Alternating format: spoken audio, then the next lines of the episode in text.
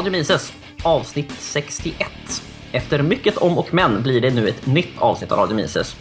Rödbetorna är inlagda, Hans har tagit tre Valium och grisfarmen, det vill säga EU, är fortfarande grisig. I studion millennialistisk misantrop Klaus Bernpeintner samt partiledaren för batonghögern Dödsliberalerna, Hans Palmstierna.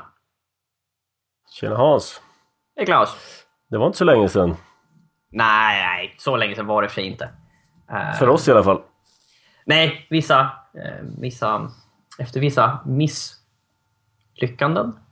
Ja, vi Olyckor ett, i arbetet kan vi kalla det för. Vi gjorde ett avsnitt som inte passerade kvalitetskontrollen helt enkelt.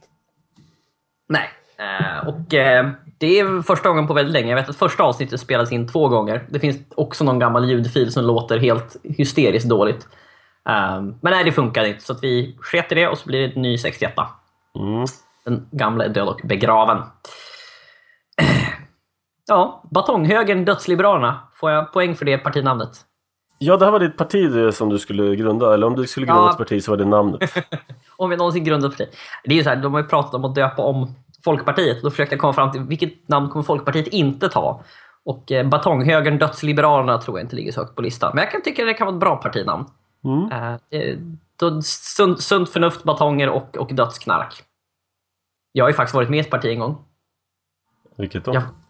Ja, jag funderar på det. Jag har till och med stått på, på valbar plats till riksdagsvalet. Ja, det var Liberala partiet. Ja, gamla synder. Jag tror att jag fick 17 röster. Jag blev helt förskräckt över att 17 personer kunde få för sig att rösta på mig. Så då bestämde jag mig för att jag ska aldrig stä- ställa mig på en valbar plats igen. Det här var alldeles för läskigt. Det var på riktigt då? Vad sa du? Ja, det blev på, du kände att det var på riktigt Ja, plötsligt? precis. Då, då, då, då, var det, då var det läskigt, absolut. Mhm. Nej, men som så här.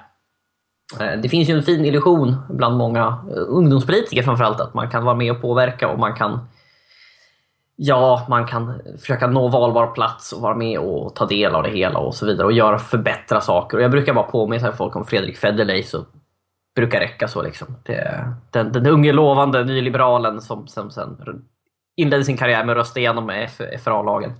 Mm, just det. Jag tror jag har redan dragit min min skärmytsling med partipolitik. Jag ska inte dra den igen för då kommer någon klaga på att vi berättar samma gamla historier om och om igen. Våra lyssnare måste förstå att nu, kom, nu har vi kört 60 avsnitt ungefär, så nu kommer vi köra samma sak på repeat runt, runt, runt de närmsta 20 åren, för vi börjar bli gamla och dementa. Ja, vi skulle ha någon slags logg över vilka våra historier vi har dragit. Ja. Men du, det finns en uppföljare på en. Eh, men du kommer inte ihåg uppföljaren. Någon av de första avsnitten, vår favorithistoria om MI5-agenten som la sig själv i en resväska och dog. Ja, stängde efter sig och dog. Ja, och de kom fram till att det var självmord först. Eh, I tidningen nyligen så hade de kommit fram till att de tror att de vet hur det gått till och det var inte självmord. Utredningen tre år senare, höll jag på att säga. Två år senare blir det. Så han har alltså inte lagt sig där och dött av naturliga orsaker. Okej, Utan det det var något fuffens inblandat. avancerad forensisk eh, teknologi som varit inblandat här. Ja.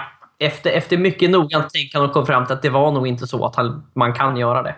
Det är tur att vi har den kriminologiska vetenskapen att luta oss mot. Sådana här svåra fall. Ja. My, mycket invecklat. Ja, vi ska ta veckans Mises och veckans Mises blir naturligtvis relaterad till saker som pågår i samhället. Och nu ska vi diskutera. Eh, Mises ska få göra en utläggning. Vi tänker inte diskutera, vi tänker citera Mises här. Om arbetskraftsinvandring rör det sig om här. Eh, Kanske inte helt relevant eftersom det inte är arbetskraftsinvandring som debatteras huvudsakligen i, kring oss just nu. Men det här handlar om arbetskraftsinvandring och dess konsekvenser. Den kommer från Liberalism, eh, kapitel 3, avsnitt 8. Och om ingen säger något annat så tänker jag läsa den. Mm, kör på det. Citat. De naturliga omständigheterna för produktion och därmed arbetskraftens produktion är mer lönsamma i USA än i stora delar av Europa. Med konsekvensen att lönenivån, lönenivån är högre. Utan hinder för migration skulle europeiska arbetare emigrera i stora skaror till USA för att söka arbete. De amerikanska immigrationslagarna gör detta exceptionellt svårt. Därav hålls lönerna i USA över vad det skulle vara om helt fri immigration tilläts, medan de i Europa är pressade under denna nivå. Å ena sidan gynnas den amerikanska arbetaren, å andra sidan förlorar den europeiska arbetaren. Ska vi sammanfatta så långt? Vad han säger? Ja, eh, det är ju kanske inget konstigt. Eh, sätter du upp gränser för, för um, hur arbetskraften får flytta sig så kommer du få artificiellt höga löner på vissa ställen och artificiellt lö låga löner på andra ställen. Det, ut, det... Kan, det, kan, inte utjämnas som det skulle göra i en marknad egentligen. Nej, och det är naturligtvis så att ett land som har haft eh, stopp mot arbetskraftsinvandring, man kan i princip säga att du är garanterad att om du öppnar gränserna för arbetskraftsinvandring så kommer lönerna i vissa yrken att sjunka. Några som tyvärr får uppleva det här, eller tyvärr, tyvärr och tyvärr, det, det är så det är. Eh, några som får uppleva just nu är åkeribranschen, där det är väldigt mycket utländsk konkurrens eh, bland långtradarchaffisar och annat som åker genom Sverige. Sen, är det inte bra att ha de här hindren då? Så kan ju de som bor innanför njuta av högre löner.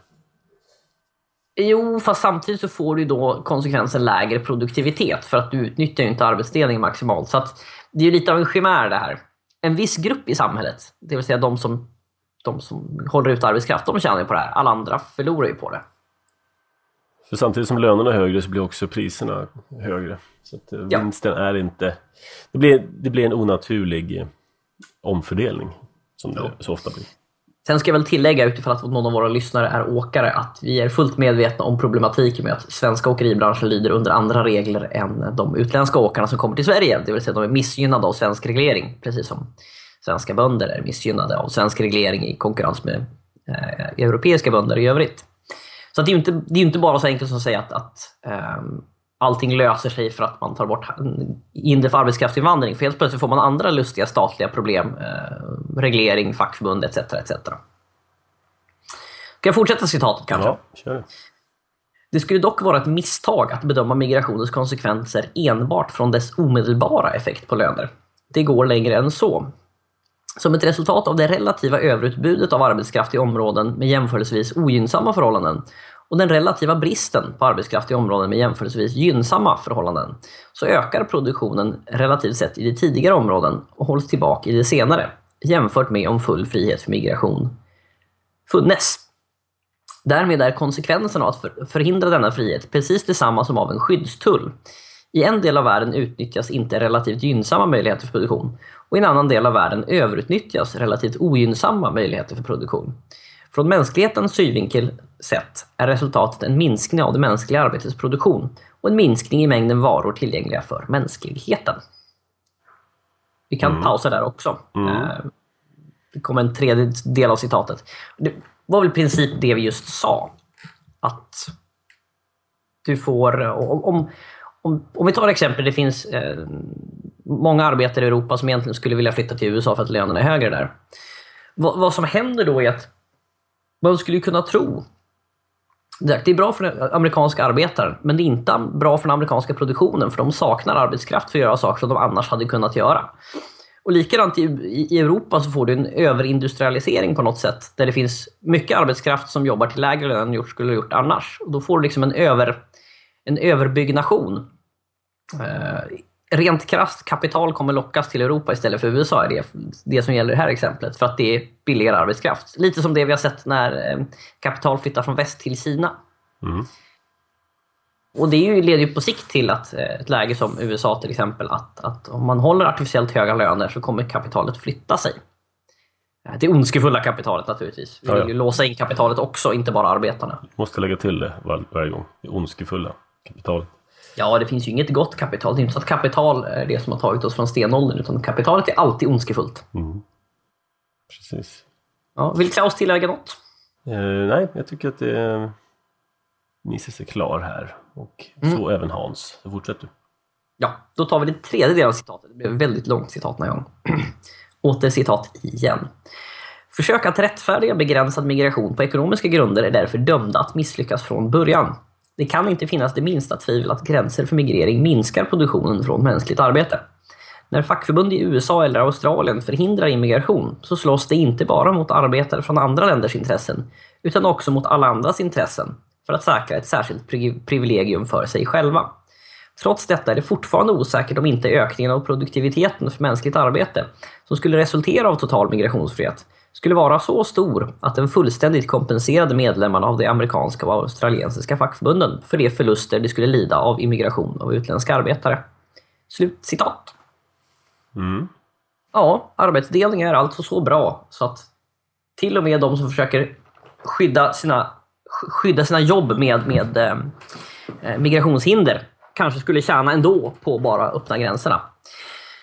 Men det här gäller ju som sagt arbetskraftsinvandring och man ska komma ihåg att det här gäller ju huvudsakligen ett samhälle som inte har en välfärdsstat och modernt mått. Här har vi ju helt andra problem naturligtvis. Ja, det är en sak när det är arbete som lockar människor att flytta än när det är bidrag som lockar människor att flytta.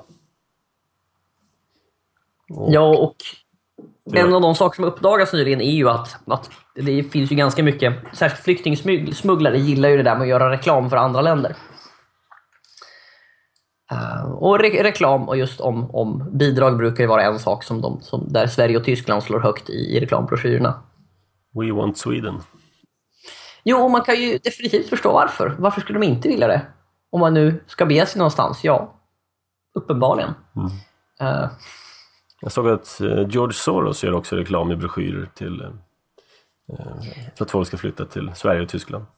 Ja, George Soros är ju ett helt vansinnigt konstigt konspiratoriskt spöke som hägrar över Europa på något sätt. Ja, alltså George Soros, jag vet inte vad man ska tro. Det är, det är som att alla konspirationsteorier blir sanna så fort man ser hans namn. Liksom. Mm. Um, det här kanske inte folk visste om. Jag brukade för några år sedan lyssna på en amerikansk radiopratare och eh, tv-pratare som heter Glenn Beck. Mm. Och Glenn Beck var mycket speciell. Han hade eh, utan tvivel en väldigt intressant form av ADHD. Och det är inget fel med det. Han var bara ja, som en, eh, som en, som en sån där batterikanin. Han skrek och flaxade med armarna och, och, kastade grejer och gjorde konstiga föreläggningar. Och han var berömd för sina, sina, sina pedagogiska whiteboards som, som han ritade långa pilar och klottrade på medan han pratade. Han var jättecharmig. Uh, han hade långt ifrån rätt i allt. Han var ju trots allt på Fox News ganska länge och de har ju sin helt egna vinkel på allt. Uh, men uh, han råkade ju i allvarligt trassel med George Soros. För han målade ut George Soros så, så, som ondskan bakom allt dåligt som händer i vår del av världen, i USA och Europa. vilket tydligen ledde att han fick vissa närmanden från folk som, som stod nära Soros och försökte förklara för honom att han borde sluta med det här. Mm -hmm. Annars Annars så skulle det kunna bli jobbigt på, på ett eller annat sätt. Eh, han svarade på detta genom att, att, läsa upp vad som hade sagts till honom i till National Television. Också en ganska bra försäkring mot dumheter. Ja, ja. Minns du vad som hade sagts? Nej, de, det var väl mer någon, någon pressansvarig för någon av Soros stora bidrags, eller bidrags, stora välgörenhetsorganisationer och demokratiorganisationer som hade väl bett om att få ett möte och sen förklarat att Mr Soros is not very happy about this och så vidare. På så här gammalt hederligt eh, makt, eh, maktmanér liksom. Personligen tror jag att han är en ond människa. Men eh, det finns ju en aspekt här som... Han brukar anklagas för att ha förstört den svenska kronan, spekulerat sönder den svenska kronan. Mm. Och, ja, det är väl det minst dåliga han gjorde. Ja, jag menar det. Där fyllde han ju en marknadsfunktion för att den svenska kronan var ju så vansinnigt övervärderad. Precis. Och saken är den att du kan inte spekulera sönder någonting med mindre att det redan är trasigt. Eh, trasigt. Spekulanten är som, ja, de, de sköter marknadshygien helt enkelt. Och, ja. och, och har de tur så tjänar de en hacka på det. Han eh, gjorde ju samma sak mot Storbritannien som också hade en vansinnigt övervärderad valuta som de försökte hålla, eh, hålla låg kurs, eller hög kurs på. Där. Mm. Och det gick ju likadant där. Det enda han gjorde det var ju liksom att, sälja svenska kronor och köpa annan valuta. Uh, tills Riksbanken fick ge upp. Mm. Uh, men ja, Soros är ju intressant för att jag vet att Hans Hermann Hoppe, för de som inte vet, Hans Hermann Hoppe är en av våra favoritfilosofer, libertarianer i övrigt. Uh, ja, myntade begrepp. Han talar i sin senaste bok, eller kanske näst senaste bok, om plutokraterna. Det vill säga makten bakom makten. De, de de som sitter och egentligen via lobbying och annat styr politikerna, att det är ju faktiskt de som egentligen tjänar på systemet. Och George Soros känns ju distinkt som en av de som sitter och ger kampanjbidrag och riggar upp organisationer och han hade väl, det fanns väl lite mystiska grejer mellan honom och Hillary Clinton-kampanjen och sådana där saker. Mm. Så han känns ju som en, en riktig, alltså en internationell politisk maktspelare som eh, är för duktig för att bli politiker, utan han sitter bara bakom och finansierar och, och kör lobbying för allt han tycker är bra. Och drar lite trådar. Vilket per definition gör honom till en ond människa och då är vi där. Ja, jo, nej, jag, jag tänker inte säga emot. Jag, alltså, jag får rysningar när jag hör. Det finns, det finns ju ett par till sådana här gubbar, men George Soros är väl den mest namnkunniga nu. Ja. Uh, internationell plutokrat. Mm. Ha, ska vi ta lite mer nyheter när vi ändå är inne på, på dumheter, tänkte jag. Nyhetsnonsens kan vi kalla det för den här gången. Um, jo, jag hittade tidningen. Det här har vi diskuterat förut. Kronofogden uh, och de eventuella onaturliga incitament som Kronofogden ger uh, till riskabel ut, utlåning från, från banksystemet. Det vill säga man räknar med att Kronofogden kan skramla in slantarna om, om vederbörande inte betalar tillbaks. Man räknar med att någon annan betalar och driver in mina ja. skulder om jag, om jag skaffar mig billiga, dåliga kunder. Precis. Och här var det intressant, för var, nu diskuteras de här låneinstituten som just ger ut lån till folk som har betalnings, eh, då, då, dålig vad heter det, kreditrating eller vad det heter. Folk som helt enkelt har betalningsanmärkningar och liknande. Mm. Då ger de högrisk, högräntelån. Och då var det någon som uttalade sig så här, jag tyckte det var väldigt talande. Jag ska läsa ett citat till här från en artikel. Staten tillhandahåller ett kraftfullt instrument i Kronofogdemyndigheten. För att man ska sätta in ett så starkt statligt hjälpmedel måste det vara en schysst uppgörelse i botten. Vem är det som säger det här? Ja, vi ska se. Det är, någon, det är väl inte någon eh, på Kronofogdemyndigheten, men det kan vara någon på en sån här bankintresseförening. Vi ska se. Eh, det är den tidigare socialförsäkringsministern, hör och häpna. Mm -hmm. Det är någon sån här politiker som tycker att hon ska eh, vara förståsigpåare. Men det jag tycker är intressant är att hon erkänner rakt av att man ger starka incitament. Kronofogdemyndigheten är ett kraftfullt instrument för att hjälpa finanssektorn att kunna låna ut pengar. Mm. Och det här talas det sällan om. Visst, man betalar avgift vid Kronofogden för att få indrivning, men de är sannolikt inte en, en bråkdel av det man tjänar på att slippa driva in skulder själva. För att rent krast i, i, i, ett fritt samhälle, det finns en anledning till att man, man historiskt alltid haft pant på lån. För det är väldigt dyrt att driva in eh, skulder som inte betalas. Du måste nämligen göra det inom lagens eh, ramar. Du kan inte bara gå och eh, slå ner någon med en klubba och kräva att de ska betala. Eh, och Det gör att om det inte finns en kronofogdemyndighet så kommer banken dra sig för att låna ut om de inte tror att de kan få tillbaka pengarna själva. Mm. Och Jag tycker bara det är så intressant att det här erkänns rakt av. Liksom. Ja, det har ju vi sagt länge, många gånger det här. Men nu är det alltså etablissemangsfolk som så förstår vill man, detta också. Vill man slippa blankolån och dåliga krediter, ja men testa att skrota Kronofogdemyndigheten då. Och säg till bankerna, nix, ni får inom vad lagen tillåter driva om skulderna själva. Vi tänker inte göra någonting. Ha så kul. Mm. Och eh, helt plötsligt så slutade bankerna ge dåliga lån. En annan aspekt av det här som jag tycker är intressant. Det är olika om jag förstått det här rätt nu. Um, jag, läste, jag minns jag läste en kurs i fastighetsekonomi mm. på ett amerikanskt universitet. Och uh, det tog mig ett bra tag innan jag förstod vad som pågick här därför att uh, lärarna sa ofta ja, om du inte kan betala så ge tillbaks huset till banken. Ja, bara gå in med nycklarna och lämna ifrån dig. ja, jag kan inte betala, varsågod det är ditt. Mm. Och det här var en så främmande synsätt för mig, för jag var van från Sverige. Tar man en skuld och inte kan betala den, ja då förföljer den dig hela livet i princip. Tills du mm. lyckats betala tillbaka det här huset du köpte för 8 miljoner som nu är värt 2 och så vidare. Mm. Eh, men inte så i USA. Där ger det till banken, är deras hus. De gjorde en dålig affär. Mm. Man ska veta att en gång i tiden så fanns det alltså um, speciella fängelser för folk som inte betalade sina skulder. De slängdes i fängelse en av de saker eh, som, som jag tror att faktiskt bland annat den liberala rörelsen eh, fick igenom var att man skulle avskaffa det här. Staten skulle inte ägna sig åt att kasta folk i fängelse för att de inte betalade sina skulder, för det här var en privat angelägenhet. Ja, det hette Debtors Prison. Jag vet inte vad det hette på svenska.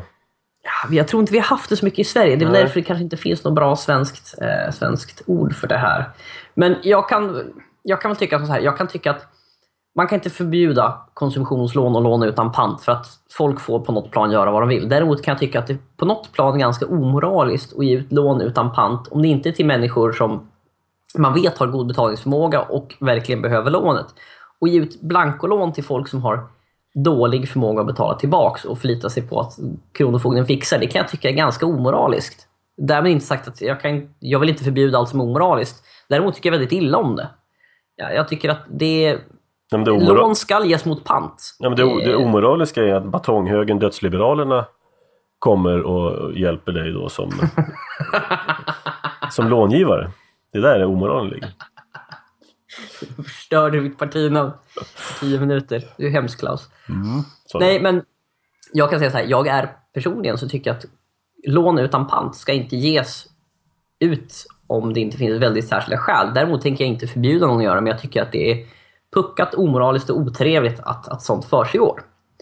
Sen kan man naturligtvis dra de här exemplen. Ja, men tänk om det finns någon som måste betala för en, en procedur eh, för att överleva någon form av sjukvård och så har de ingenting som kan pantsättas. Ska man då verkligen förneka dem lån? Nej, det är klart man inte ska. Om den personen då vill lova upp hälften av sin framtida livsinkomst för att överleva, självklart ska personen få göra det.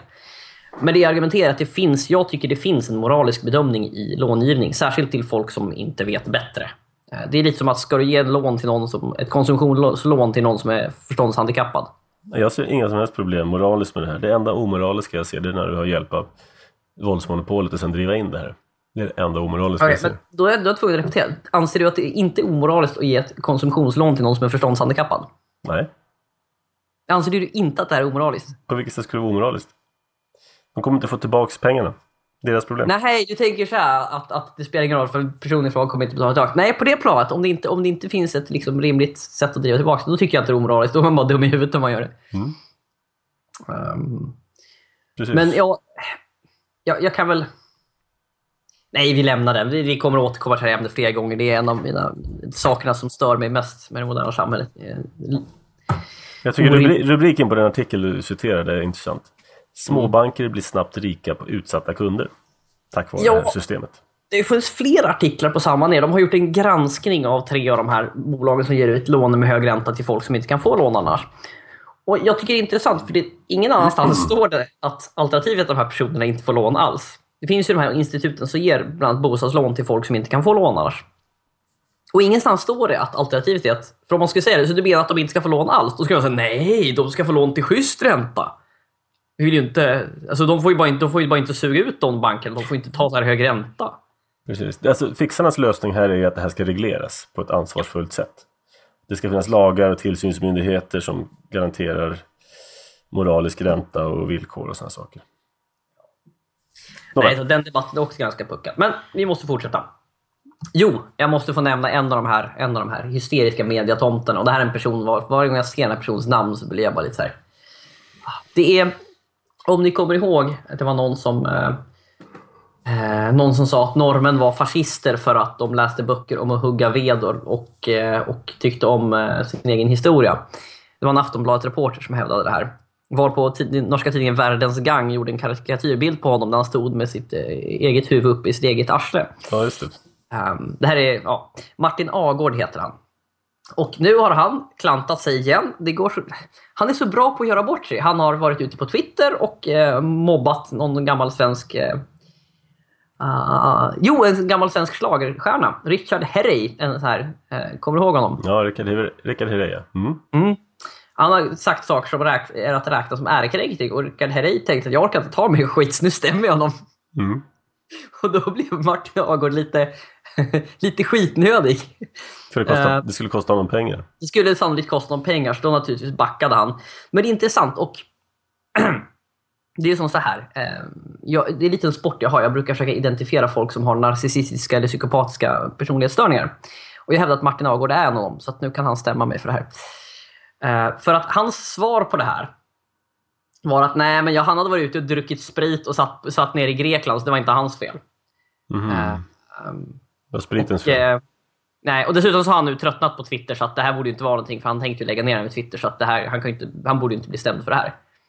Det, det, var, det var hans förklaring till det hela. Mm.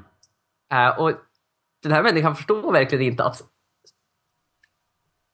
det finns konsekvenser av... Ha, ha, beter man sig som en skitstövel så finns det konsekvenser. Mm. Men han försöker bara förklara att nej, men jag är en ganska snäll person ändå, så att det här borde inte vara en stor grej. Uh, jag tänkte liksom inte twittra mer nu, så det är väl okej, okay, eller? det är så typiskt. Och det är så intressant. Det sitter alltså ett nättroll på Aftonbladet och får skriva krönikor. Jag tycker det är jättekul. För han är riktigt så här skjuter, skjuter rasistanklagelser till höger och vänster och säger åt folk att de är dumma i huvudet eller att de borde gå och dö och så här. Så jag tycker det är kul att en av våra kvällstidningar, dessa dessa eh, kamporganisationer mot nättroll eh, anställer nättroll som får sitta och mobba folk på arbetstid. Jag står väl till med den svenska kvällspressen. Vad var det han skrev? Nej, han hade sagt att... Eh, ja, vad han sagt? Du, du, du, du din gamla rasist eller någonting. Han, något sånt här som i Sverige betyder att du är dödsond. Mm. Uh, jag ser om jag kan hitta ett exakt ja, vänta här. Det finns ett Twitter-exempel. Martin säger danskar är inte bara tjocka, de är korkade också. Ja, just det. Ja. Och Rickard svarar, tänk vad märkligt. De säger exakt samma sak om svenskarna. Varpå Martin svarar, du är väl glad över valresultatet din gamle rasist? Ja. Men det är så här, att, att en journalist sitter och skri, säger att danskar, dan, danskar är kategoriskt säger att danskar är tjocka och korkade. Ja. Då blir jag så här, mm, hög kvalitet på journalistiken i det här landet. Men jag vet inte var de hittar det stolpskottet. Nej, men han ska ju sluta med Twitter nu så allting är ju förlåtet då antar jag. Alltså Twitter, jag har aldrig fattat Twitter. Jag har försökt några gånger men jag begriper inte. Nej men det är ju så här att du kan i princip bara, på 128 tecken så kan du antingen bara Antingen kan du typ predika för hur fantastisk du är eller så kan du säga något riktigt dumt. Det är ungefär det som får plats på 128 tecken. Mm. Och det är de två saker som görs också. Uh, för att det, det, finns ju de som försöker använda Twitter och då slutar det oundvikligen med att de skriver en uppsats och så måste de kapa upp det i 200 Twitterinlägg och då blir det så här, men kan du inte använda en bättre applikation för det här? Måste du använda jädra Twitter liksom? Ja, Twitters försäljningsargument var att du bara får in 140 tecken. Okej, okay. mm. mm, okay. ja, bra. Ja, det är ju någon, någon, form av kryptospråk de börjar använda. De förkortar allting. Det är helt oläsligt. Men i vilket fall, det duger tydligen till att skrika otrevligheter mot danska folket och mot Rickard Herrey. Och bli stämd naturligtvis. Jag hoppas han drar igenom den här stämningen. Det skulle vara kul att se en Aftonbladet-reporter få betala för något han har gjort. Ja, använda våldsmonopolet till något gott den här gången. Mm. Vet du hur många eh, någon av våra kära opinionsinstitut gjorde en undersökning. Vet du hur stor del av svenska befolkningen som har stort eller mycket stort förtroende för kvällspressen? Ja, det var nytt som kom ut. Ja, vad var siffrorna? Det var... Kvällspressen som helhet. Aftonbladet Expressen fick vissa siffror, men kvällspressen som helhet. Hur många ja. tror du? Kan det vara 30 procent? Noll. Noll? I hela undersökningen svarade ingen att de hade stort eller mycket stort förtroende för kvällspressen. Antal, an, antal som har förtroende? Noll. Otroligt. Det, det fanns det säkert vissa som hade lite förtroende och sådär, men eh, jag tyckte det var fint. Så att svensk kvällspress är döende, helt klart. Se där, en god nyhet. Mm. Ska vi fortsätta till Kapten Ägghuvud då? Eh, är det Renfjäll vi pratar om här? Renfjäll, vår före detta statsminister. Eh, ja, Kapten Ägghuvud. Han eh, ägnar sig nu för tiden åt att skriva böcker och föreläsa och vara med i radioprat. Och eh, jag vet inte om någon hörde hans, hans eh, sommarprat på P1. Eh, jag hörde ett klipp från det nyligen. Det var ju helt obegripligt. Vad pratar karln om? Det, det är så här flosk... Alltså, ordet floskelstapling duger inte längre. Det, det, är någon form av floskelvävnad som han ägnade sig åt. Och så prata om... Han försökte vara mysfarbror, men han lyckas inte alls på samma sätt för Göran Persson. För Göran Persson var ju så här domderande, så att, så att tyck att jag är mysig annars. För att Göran Persson var ju stor och bred. Och det kan ju inte Reinfeldt göra, för han är ju typ Alfons Åbergs pappa. Ser det ut som. Alltså det, var ju, det roliga var ju när Göran Perssons de här memoarerna kom ut. Mm. De här filminspelningarna som hade gjorts. Ah. Det var ju, det var, det var, det var obetalbart alltså, vilken humor.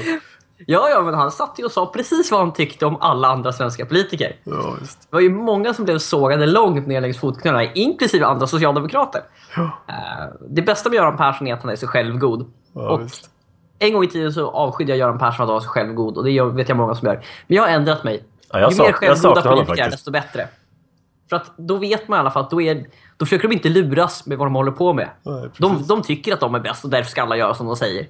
Så att, nej, hellre Göran Persson alltså. Det var ju, uh, en av mina favoriter det var när han, han uttryckte hur synd han tyckte det var om Carl Bildt.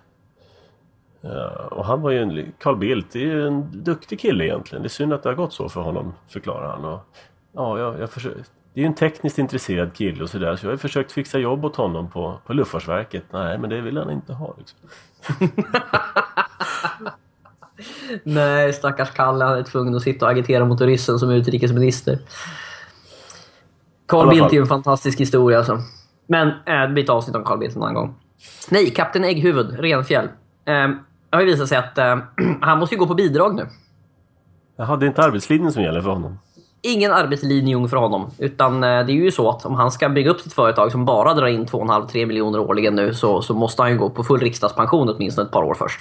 Och det tyckte att det var inget att prata om minsann. Det, det har jag förtjänat.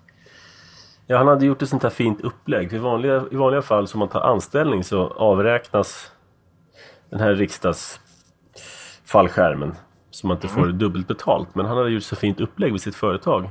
Och då räknas det inte. Utan då kan man lyfta både det och mm. få inkomst. Och Det här är ju ganska paradoxalt för han sa ju just att motivationen var att han höll på att starta företag och därmed hade han inte liksom stadiga inkomster. Och det tyckte han att det var rimligt att ta riksdagspension tills han hade stadiga inkomster.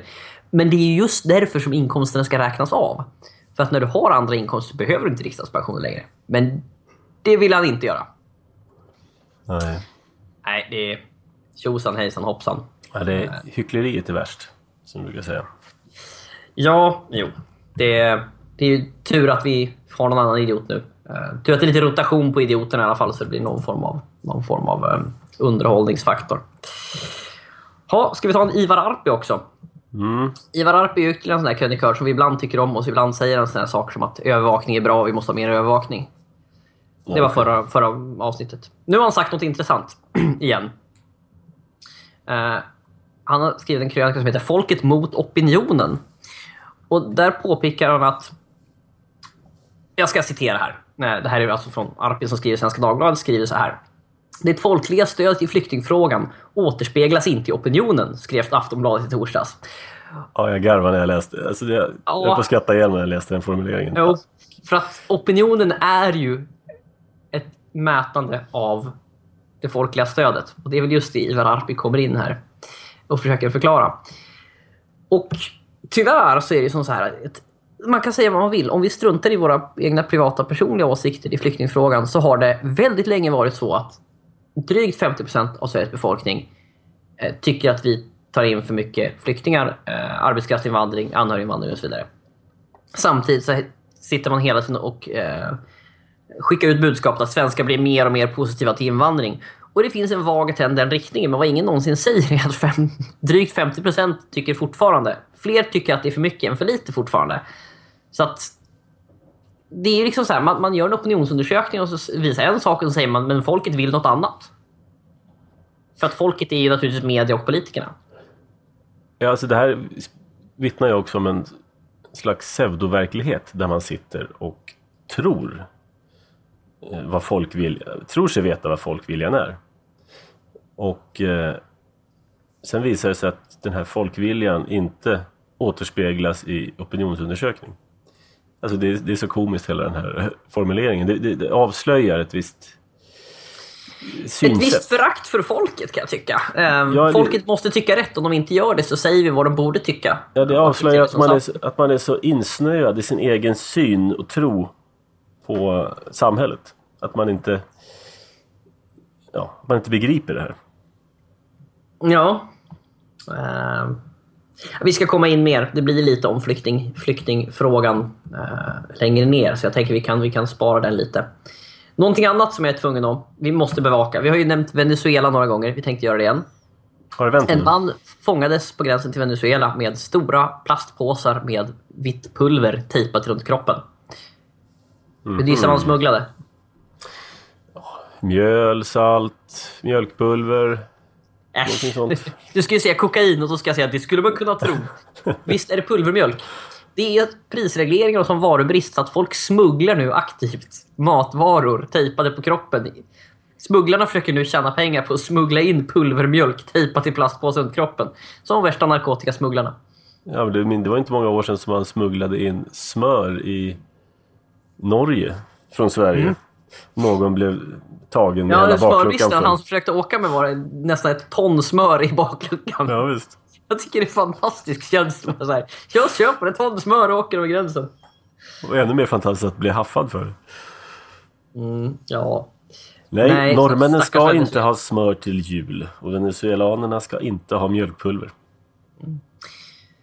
Det var någon som skrev en, en, en, en sån här en, en artikel som heter Gråt för mig Argentina. Det kan ha varit eh, bloggaren Lars Wilderägg. Men om man ska gråta för någon så är det Venezuela i dagsläget. Även om Argentina är, ligger ganska nära efter och har väl en schysst inflation i 30, 40, 50 procents ordningen så Venezuela har ju slutat rapportera för det var inget kul att rapportera inflationssiffror längre. Men priserna ökar uppskattningsvis med 200-300 procent årligen i alla fall.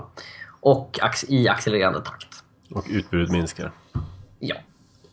Så att Venezuela kollapsar snart totalt och blir tillfälligt ett u-land tills de får en, någon form av styre som, som eh, slutar trycka venezuelanska Bolivar, tror jag den heter. Eh, och vad lär sig då vänstern av detta? Att Maduro är en ondskefull högerkapitalist som tog över efter Chavez. Mm. Just det. För att det kan ju inte vara något fel på den socialistiska ekonomin. Det, det, den funkar ju per definition. Ja, ja. Ja. Det är ju bara folk i ondskefulla reaktionär höger nu, som det är därför det kollapsar. Mm. Hoho, ja, ja. Mm. Ja, ja. Ja, ja. Uh, jag tänkte vi ska ta en sista innan vi går in på uh, veckans avsnitt. Jag var tvungen att lyssna på, jag tror att det var Agenda, kan det ha varit det? Någon av de här statliga nyhetsprogrammen som vi betalar väldigt mycket pengar för. Där det står någon seriös människa och försöker se seriös ut. Och det var lite humor den här gången. De hade bjudit in Anna Kinberg Batra. Mm -hmm. Som de flesta av oss börjar misstänka är en robot. Uh, vet inte, kan vara en japansk robot, kan vara en taiwanesisk. Vi är osäkra i frågan. Det är ingen sån Hon här... Skulle... Uh, nej, jag ska inte säga. Nej, det ska du inte säga Klaus. Uh, våra lyssnare vet vad du tänker. Usch Klaus. Fy Klaus! Nåväl. Eh, Anna Kinberg Batra fick den ganska intrikata frågeställningen varför tycker du att EU-länder ska fördela flyktingar eh, solidariskt men att svenska kommuner inte ska göra det? Och att se henne försöka svara på den här frågan är helt fantastiskt. Hon säger samma sak som, som inte riktigt har med frågan att göra så många gånger att reportern blir uppriktigt förbannad. Att hon vägrar säga något annat. Jag vet inte om vi kan få något fint ljudklipp på det här, men det är de som såg när hon blev partiledare de tänkte att hon är väl nervös. Det är väl därför hon säger samma sak 700 gånger i rad. Men det visar sig att nej. Anna Kinberg Batra kan man bara stoppa in en replik i åt gången. Sen repeterar hon den här tills någon byter program. Det är alltså... Det, det, är så hysteriskt underhållande så jag vet inte vad. Jag har hört politiker som är repetitiva eh, tidigare, men det här tar alltså priset. Det, det är så den här, den här, roboten har ingen sån här shuffle mode inställning. Nej, det finns ingen. Det finns inte en slumpalgoritm i den liksom. Samma sak gång på gång på gång på gång på gång. Så jag vet inte riktigt. Jag vet inte hur, hur man, varför man utser en robot till partiledare. Hon, hon han, hen, den, det. Ehm, ja, det, det är väl kanske så. Å andra sidan, är det inte så Moderata samlingspartiet har styrt ganska länge? Repetera floskel för massorna om någon säger emot, repetera floskeln och fortsätt framåt.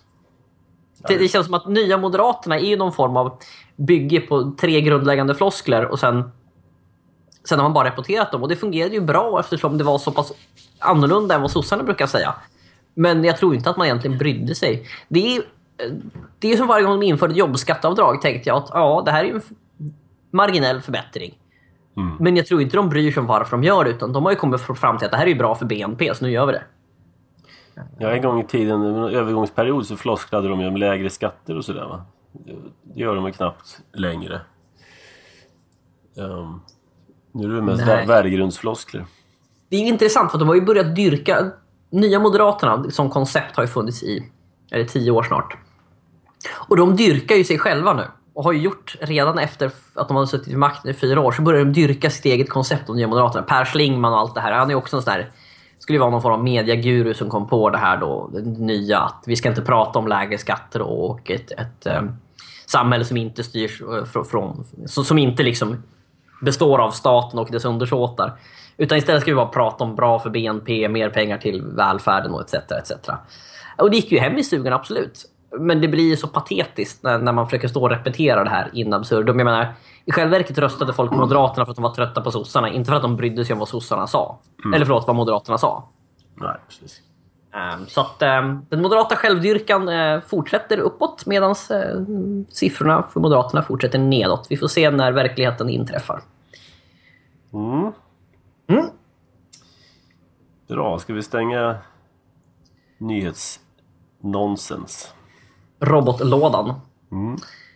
Ha, vart ska vi börja? Vi tänkte som sagt prata lite om det politiska läget och det ekonomiska läget. Men vi kanske måste börja med det alla i det här avlånga landet just nu pratar om på ett sätt eller annat. Ja, det vi försökte prata om i det avsnittet som inte ska nämnas. Voldemort-avsnittet. Mm. Eh, jo. Flyktingkrisen och EUs interna problem. Ja. Vi ser ju fler och fler länder som stänger sina gränser. Senast var det väl Kroatien nu som stängde. Ungern hade stängt innan, Kroatien stängt. Och nu börjar man väl stänga gränserna mot Sverige också, våra grannländer snart. Så det är väl nästa steg. Ja, vi kan ju börja från början antar jag. Mer, fler och fler flyktingar har kommit till Europa de senaste tre fyra åren. Det har till viss del att göra med kriget i Syrien, men till stor del också att göra med det faktum att det har visat sig att det går ganska bra att ta sig in i Europa som flykting. Man, det finns flera, ett flertal ställen man kan få asyl på. Sverige, Tyskland, i viss del Nederländerna. Det finns de som vill specifikt till Storbritannien, Danmark, Norge, Finland och så vidare. Det vill säga lyckas man vara kajka hela vägen genom Europa och det vill säga lyckas man gå ifrån den så kallade Dublinöverenskommelsen som gäller mellan europeiska länder att landet du landar i ska du söka asyl i. Lyckas ja. man ta sig runt det och magiskt dyka upp i ett land längre norrut så, så, så går det ganska bra för asyl. Ja, vi har ju den här Schengen-historien. Ja, den här, fri rörlighet. Den här gemensamma yttre muren mot omvärlden. Eh, och innanför och, muren ska inte finnas några gränser. Så är jag i Tyskland så ska jag utan hinder kunna ta mig till Sverige. Och ja. är jag i Ungern ska jag kunna ta mig till Tyskland och så vidare. Och för att det här skulle hålla ihop så införde man ju Dublinförordningen som sa att asylsökande ska söka, söka asyl i första land de landar i. Det vill säga någon av de här gränsländerna som brukar bli eh, Grekland eller Ungern eller, eller Italien. Någon av dem som har längst ner i, längst söderut i Europa. Men och tanken var ju då att alla länder skulle ha samma asylpolitik. Det vill säga att det skulle finnas en standard för du får asyl om A, B eller C men inte om D, E eller F. Så har det naturligtvis inte varit. Alltså vill alla till de norra länderna som är, eh, har generösare asylpolitik. Och det leder till att stora strömmar av flyktingar försöker springa tvärs genom Europa och komma norrut. Ja, man vill inte först... registrera sig på vägen utan man vill... Nej, så då måste för stanna de där. får nog inte asyl där nere. Däremot får de kanske asyl här uppe. Och första land att tröttna totalt på det här var ju Ungern. För att alla försökte springa genom Ungern. Det, fann, det var liksom en stor vandringsled genom Ungern och de tröttnade till slut på det här. Och sa att vi har nog och vi sätter upp gräns, riktig gränsbevakning. Och tanken var att det skulle finnas gränsbevakning längs EUs gräns. Men då blev ju EU sura för att de gjorde det med taggtrådsstängsel och militär. För de kände att det är enda sättet att säkra gränsen. Ja, så nu ska de, sägas att... de enda som uppfyllde då eh, sina åligganden i Schengen, det var ju då Ungern. Ja. Sen ligger ju inte Ungern... Ungern är ju inte... Egentligen så är det så att man tar sig genom Grekland eller Jugoslavien upp där. Så att, men de flesta tar sig genom... Serbien har jag för mig det Jo, Serbien, från Serbien till Ungern och sen vidare uppåt. Just det. Uh, vissa land, de som Många av de som tyvärr håller på att drunkna i båtar gör det utanför Italiens eller Greklands kust. Det är de som är kustnationerna. Men eftersom det visar sig att det finns vägar som det går ganska bra att ta sig, det går att springa genom Europa, så har ju fler och fler börjat göra det här. Och sagt, Ungern har fått nog. Och Ungern gick ut hårt och stängde gränserna. Eh, det är klart människor som är på flykt blir desperata. De har ju betalat enorma summor till flyktingsmugglare som ska hjälpa dem att ta sig över Medelhavet eller vart de nu ska ta sig för att ta sig in i Europa och helt plötsligt så står det taggtrådsstängsel i vägen. Uh, och samtidigt så gör Ungern bara det alla visste någon var tvungen att göra förr eller senare. Och det som man har kommit överens om? Ja. Och sen kommer naturligtvis följdeffekterna. Men, men, men, men, det, men det intressanta är också att Ungern är ett transitland. Här. Mm. Det är ingen som stannar i Ungern för de får inget de får i princip ingenting där. Nej, vad Ungern i princip gör är att de försöker fylla sin roll som yttre gräns. Och EU är sura på hur de gör det. Um, för att det är, inte, nej, det är inte så många som söker asyl i Ungern. Det är det inte. Så, så man kan säga till och med att de agerar inte så mycket för sin egen skull eftersom de här flyktingarna bara springer rakt igenom? Nej, det finns ju en intressant aspekt av det här. Det är ju Viktor Orbán, nu kan jag inte uttala det korrekt, men eh, Ungerns nuvarande ledare som stöds av, är det 60-65 procent? Det är mer stöd än Socialdemokraterna på 60-talet. I princip hela Ungern stöder honom. Har ju en uttalad syn om att Europa ska förbli europeiskt och att hela det här multikulturalismträsket kommer haverera Europa. Det vill säga han, han, tänker, eh, han tänker sätta ner foten och Ungerns och resten av Europas vägnar. Mm. Uh, Ungern är ju jättehatat i hela EU för det här. Eh, däremot så har Ungern ganska mycket stöd vad jag förstått i de övriga östeuropeiska länderna som inte är särskilt rika och därmed inte anser sig ha särskilt stora möjligheter att ta hand om, om flyktingar. Och de har ingen större lust att göra det för de håller fortfarande på att återuppbygga det efter att ha varit satellitstater till Sovjet i 50 år. Men de stänger gränserna och naturligtvis direkta konsekvensen är att folk tar nästa land som är Kroatien. Och Kroatien klarade trycket i två dagar.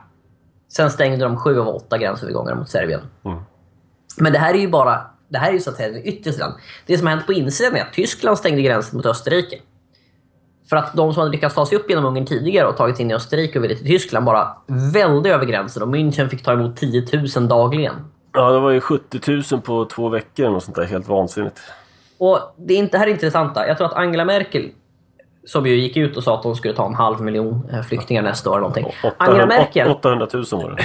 Angela Merkel gjorde en sån här sak som politiker traditionellt gör, det vill säga säga saker utan att veta om de har stöd för det bland vare sig opinionen eller ens övriga partikamrater. Eller ens veta om det går att genomföra. Ja. Angela Merkel ville... Hon, man kan gissa att Angela Merkel är på väg ut inom ett par år, så hon ville ha, ha en snygg exit, bli ihågkommen för någonting väl. Det intressanta är att det cirkulerar nu ett förslag om att Tyskland kommer... Tyskland har för avsikt att strama åt. Istället för att öppna upp så kommer de strama åt ordentligt istället. Det är fortfarande på ryktesstadiet här för att allting är på ryktesstadiet just nu. Men Tyskland har tills vidare stängt gränsen mot Österrike. Men mer intressant blir det längre norrut för att många som tar sig upp till Danmark Danskarna kommer fram till att vi vill inte, vi vill inte, kan inte, har ingen lust att ta emot så många flyktingar så vi sänker bidragen för folk som är flyktingar. Och då vill alla flyktingar till Sverige. Och saken är att egentligen så är tanken då att flyktingar som kommer till Danmark ska registreras där. Eh, men danskarna sa vi struntar i det och låter dem slussas vidare till Sverige utan att ens kontrollera identitet på dem. Eh, Danmark valde att bli ett transitland också. Vilket de historiskt inte har varit. Men de sa, slängde upp händerna i luften och sa okej, åk vidare, vi skiter i det här. Eh, vilket ledde till den här folkströmmen som vandrade längs motorvägen mot Sverige.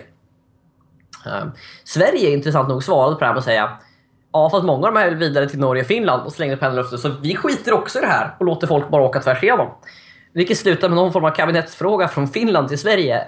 Där de frågade, är det så att ni tänker bli ett transitland? För då stänger vi gränsen. Och nu har man börjat uppe i Övertorneå och tänker eh, upprätta gränsövervakning. Eh, så det har alltså gått så långt att Finland tänker börja allvar, på riktigt övervaka gränsen mot Sverige. Det här mm. kan inte ha hänt på väldigt, väldigt många decennier. Eh, Nej, precis. Och det, här är ju... Och det är ju lite... Ja. Man borde ju se någon form av allmän tragedi här. Ja, det är precis vad det är. Va? Alla vill att någon annan ska ta hand om flyktingar så att EU kan säga att EU tar hand om flyktingarna. Men all, ingen vill ju göra det själv. Och jag är god, för jag släpper igenom dem. Så att någon annan får ta hand om dem sen. Och jag kan tycka att det är så fruktansvärt sluskigt det här. För att Visst kan man ägna sig åt flyktingmottagning. Det är en fin humanitär sak att göra. Men gör då som så här. Planera hur många vi kan ta emot. Ta emot så många av de mest kritiskt behövande naturligtvis Istället för att bara säga att ja, vi löser det längs vägen och så börjar folk komma springandes. För jag menar, då slutar det som, så, som det ser ut på flera ställen i Sverige. Fler och fler ställen rapporterar från att de här flyktingarna trodde att de skulle komma till någonstans där de får någonstans att bo, de kan lära sig svenska, få ett jobb omedelbart och så är allting löst, kan starta ett nytt liv. Och det här händer ju inte i Sverige. Du hamnar på en flyktingförläggning ute i djupaste Värmland. Vänta ett halvår år innan du får lära dig svenska och sen har du sju år i snitt till arbetsmarknaden. Mm. Så många flyktingar känner sig på riktigt lurade och jag ska inte säga att jag inte håller med dem på något plan. För att den politiska idiotin i Europa gör ju att det finns förespeglingar om att tar man sig till Europa så löser sig allt. Och det här är ju inte på något sätt sant. Nej, jag tror också att eh, vad jag förstår så är det mycket, mycket propaganda, eller marknadsföring ska vi snarare, snarare säga, från de här flyktingtransportörernas sida. Mm, absolut. I Sverige så får du det här och det här och det här. Du får ett hus, du får ett jobb, du får en blondin kanske. Ja. Eh, och sen så, får du inte det. Det är klart att du inte vill kliva av bussen. Vad är mina grejer? Nej. Men det är också så här att det är ju naturligtvis att självklart i länder, krigshärjade länder nere på andra sidan havet eh, och, och i Mellanöstern. Självklart så målas Nordeuropa ut som någon form av utopia och vi är inte så långt från utopia med deras standarder mätta. Däremot så är vi organiserade samhällen. Europa är inte en stor välgörenhetsorganisation. Europa är en egen civilisation som har väldigt många andra prioriteringar. Eh, och det borde någon det borde man vara öppna med. Att, att det är så det är. Eh, och det, det jag kan tycka att både folk och politiker, men framförallt politiker, särskilt politiker, borde vara öppna med. Det finns en begränsad betalningsvilja i Europa. Och då kan man säga att vi är ogina som inte delar med oss, eller vad man vill. Men det, det förändrar inte någonting i sak. Mm. Europeer är villiga att ge ungefär X för att ta emot flyktingar. Och det Xet är ganska fast. Det ökar och minskar ganska lite. Det ökar pyttelite grann under större kriser och så minskar det. Våran vilja till välgörenhet är ungefär konstant. Just det. Oavsett vad man tycker om det så borde de minst vara ärligare att vi kan ta emot så här många människor. Ja. I krissituationer kan vi ta emot lite mer, andra situationer kan vi ta emot lite mindre. Men det framställs ofta i media och av våra egna politiker som om våran välvilja är oändlig. Mm. Nej, den är inte oändlig. Våra resurser är inte oändliga heller. Så det funkar. Visst, visst har vi råd med en herrans massa flyktingmottagning om nu det folk vill. Den libertarianska analysen säger att ja, men ta då bort nuvarande eh, budget för det här och sen går man ut och frågar befolkningen hur mycket vill ni ge? Vänligen betala in. Det, det, men det är ju den libertarianska, och det gäller ju för övrigt, det gäller vård, skola, omsorg och allt annat också. Mm. Eh, och jag tror att det finns väldigt många människor som är välvilliga i det här landet. Däremot så finns det en förmåga att gravt underskatta mängden resurser som behövs. Eh, hur mycket tror du det behövs för att i snitt försörja en person i sju år innan de kan få jobb på den dysfunktionella svenska arbetsmarknaden? Men räkna på det så kan ni räkna ut kostnaden. Ja, det är väl ungefär 4-5 personers genomsnittsinkomst i skatt som, som det behövs. Ja, åtminstone överskott av skatt eftersom skatten är ju tänkt att gå till massa annat i det här landet också. Mm. Och jag menar, om, om det fanns en ärlighet i det så skulle jag kunna, åtminstone kunna respektera debatten som förs. Sen att vi inte tycker om skatteuttag överhuvudtaget. Eh, det är en poäng, men det kräks på här är oärligheten i debatten. Jag menar, säg vad det kostar. Förklara att det här är vad vi har att röra oss med. Vänligen befolkningen, ni som har valt de demokratiskt valda ledarna. Förklara hur mycket ni vill pengar ni vill lägga på det här. Att det här är det stora bedrägeriet. Därför man döljer poster i en enda stor påse. På samma sätt som man inte låter folk betala in sin skatt själv utan man behåller källskatten så att de aldrig ser det. Eh, men om man, om man lät folk få sin fulla lön och sen betala in de här 50, 60, 70 procenten i skatt så skulle det bli helt annat ljud i skällan när folk ser. Jo, så, absolut är det så. Samma sak här.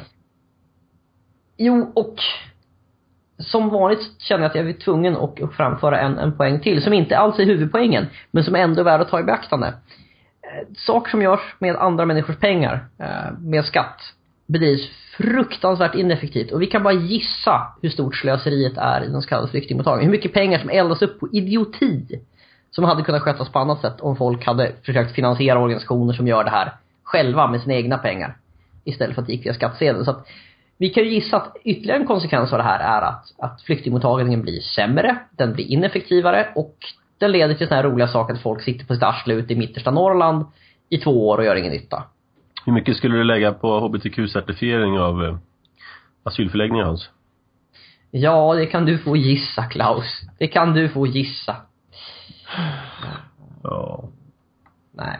Men sen slutligen och nu, nu, nu, nu tänker jag go there som, som de säger. Jag var tvungen att säga det här till någon på, på, på, på internetet häromdagen. Att jag bryr mig inte om det är så att SD råkar ha samma åsikter som mig. Men i frågan så måste vi återigen släppa upp det tråkiga faktum hur mycket, man, hur mycket pengar det kostar och, och se till så att de som, eh, de, de, som har det värst, det vill säga de som sitter fast kvar i Syrien och länderna kring. Eh, hur mycket nytta pengarna gör där, respektive hur mycket nytta det gör när man skickar in dem på en dysfunktionell svensk arbetsmarknad. Mm. Hjälp på plats som det kallas. Eh, och med på plats menar man huvudsakligen flyktingläger i Libanon och i Syrien. För det finns den här illusionen om att det är SD som har bestämt att, att man ska hjälpa på plats, alltså är det rasistiskt. Uh, Medan FN, uh, FN är ingen bra organisation sådär, men någon, någon mån av de pengar man skickar via FN går ju till flyktinglägren på plats. De har nu slut på pengar till de som sitter i flyktingläger för mat, vatten och livsmedel där nere. Eller mat, vatten och eh, läkemedel där nere. Varför? För att man kapar biståndsbudgeterna för att finansiera det, det europeiska flyktingfiaskot.